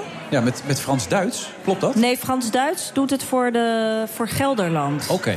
En ik doe het dan voor de provincie Amsterdam en Noord-Holland. Dat zijn maatjes vrijwilligers die je dan probeert te koppelen, toch? Ja, precies. Omdat er heel veel mensen zijn in de, hier in Nederland die wel een maatje kunnen gebruiken. Bij wat dan ook. Weet je, om een kopje koffie mee te drinken. Of een allochtone vrouw die ondersteuning nodig heeft bij het leren van de taal. Ehm, een oud persoon die in een bejaardentehuis zit en het leuk vindt om even buiten de deur wat te gaan doen. Dus. ehm, ja, er worden over heel Nederland heel veel maatjes nog gezocht. En eh, ja, daar maak ik dus ook een programma over. Dan interview ik die maatjes en ehm, de maatjeskoppels dus. En ik interview degene die een maatje zoeken. Ja, Ja, dat vind je ook belangrijk om te doen, sowieso. Ja, nou ja, het is een initiatief van het eh, Oranje Fonds. En ik vond het waanzinnig om te doen. Omdat ik zie hoe zo'n klein beetje hulp of steun... hoe dat al het verschil kan maken. Ja. Ja, nee, ik geloof je, kijk ja. Maar ja. ondertussen geloof en ik ik heb dus nog. ook elke keer maatje mogen zijn van iemand. Oké, en ondertussen ook nog een film, Familie Slim, begrijp ik. Komt die ook nog uit? Ja, er komt ook nog een kinderfilm uit. Nee, dus ik ben echt met allemaal leuke, leuke dingen bezig de laatste tijd. Ja, het belangrijkste, daarvoor zit je hier vandaag ook. Mag ik je titel zien? Dat is het programma voor de duidelijkheid voor mensen die was later inschakelen. Dat aanstaande dinsdag begint. Ja, dat eh, begint aanstaande dinsdag. Een driedelige documentaire serie. En ik, ben, eh, ik heb zelf de aflevering gezien. En ik was ook nog steeds heel erg onder de indruk. Dus ja, kippenvel erbij weer. Dus ik, eh, ik zou het echt zeker, zeker een aanrader. Ja. Ga je nog wat leuks doen nu? Ik ga straks lekker naar huis. En jij? Ga jij nog wat leuks doen? Ja, ik ga. de- Moet je om half negen inschakelen. Voetbal in Zuid, dan zwaai ik even. Oh, dat vind je een leuk wil je dan nog groeten doen? Aan wie? Aan mij? Ja, nou, dan doe ik de groeten, ja. De groeten aan Taat op Dagelet, wie zal het zeggen allemaal. Eh, ik wens je een hele fijne avond. Fijn dat je er was. Volgende week dinsdag dus met z'n allen kijken. En ook al die andere dingen, doe het succes daarmee. Dank je wel. En jij ook. Met alles. Ja, ja dankjewel. Grappig, hè, eigenlijk, dat jij een voetbalprogramma doet. Weet je dat er niks is voor vrouwen, zoiets? Nou, Dat we met z'n allen kijken naar iets op tv. Zoals jullie mannen doen met voetbal. Ja. Dat is toch gek? Dat is best wel gek, ja. Ja. Dan moet wat aan gebeuren. Daar moet er gewoon aan Gat in de markt. Gat in de markt. Doe er wat mee, Taten. Nou. Ja, gaan we over nadenken. Volgende week zijn we er trouwens weer. Waar zitten we ook alweer dan? Ook weer in de Sky Lounge zitten we hier. En dan zitten we met Dirk Bolt als hij hier niet ontvoerd is. Toch? Nee, eh, nee die is er gewoon in Nederland. Tot volgende week. Dag. Dag. Voor ons is het regeerakkoord een beginpunt en zeker geen eindpunt. Hier weer jaar zou ik zeggen. Nee, het is totaal anders. Maar waarom zit je hier eigenlijk? Daarmee ontkom je niet aan smaad en lasten. Nou, dat is toch eh, fijn dat ze elkaar eindelijk gevonden hebben. Na al die tijd. Dus het is twee mogelijkheden. Geen wet of wel een wet. Here in order to act with freedom and safety. Hij was dus niet om asiel aan te vragen. Hij was ook niet in Brussel om met Belgische politici te spreken. For those of us climbing to the top of the food chain, there can be no mercy. is, eh, ja, alles wordt kapot gemaakt van je hele carrière. This was an act of terror. And a particularly cowardly act of terror. Dan ontstaat er natuurlijk een enorme diplomatieke rel tussen, tussen Madrid en Brussel. Als de deur op een kier staat, dan zou ik zeggen doe een sjaal om. Want volgens mij gaat het tochten. Het zou natuurlijk geweldig zijn om daar nu samen uitgebreid over te speculeren. Maar volgens mij is dat niet verstandig om dit te doen. Ziet u de causaliteit niet? Nee, ik zie een correlatie. En voor alle duidelijkheid, dat woord gewoon is insluitend. and all of a sudden you hear gunshots and then you hear someone yell it's a shooting Mag ik dat niet zeggen? En het is precies die houding die in mijn ogen de plank mislaat. We have to get much tougher. Nee, het is totaal anders. We have to get much smarter. Nederland was Nederland. And we have to get much less politically correct. Ik vind het echt, als u een motie van wantrouwen indient, dient u dat in tegen uzelf. Volgens de laatste peilingen eh, hebben de, heeft de onafhankelijkheidsbeweging een flinke vlucht genomen. Eh, Ik kan ook zeggen het is eh, een klote avond of een rotavond. Maar ja, dat komt op hetzelfde neer. Ik ben blij dat ik zoveel steun uit de Kamer mag ontvangen. Het was weer een algemene opmerking. eh, ook eh, koppelend aan de interruptie van eh, Jesse Klager. Oké, dank. Nou, de heer Klaver. Nee. En nu maak dus naar jullie warme nestjes. The Friday Move wordt mede mogelijk gemaakt door TUI. Discover your smile. 65% van de CEO's optimaliseert hun energieverbruik. Maar er is nog veel te winnen op weg naar net zero. Meer weten? Ga naar pwc.nl slash netzero.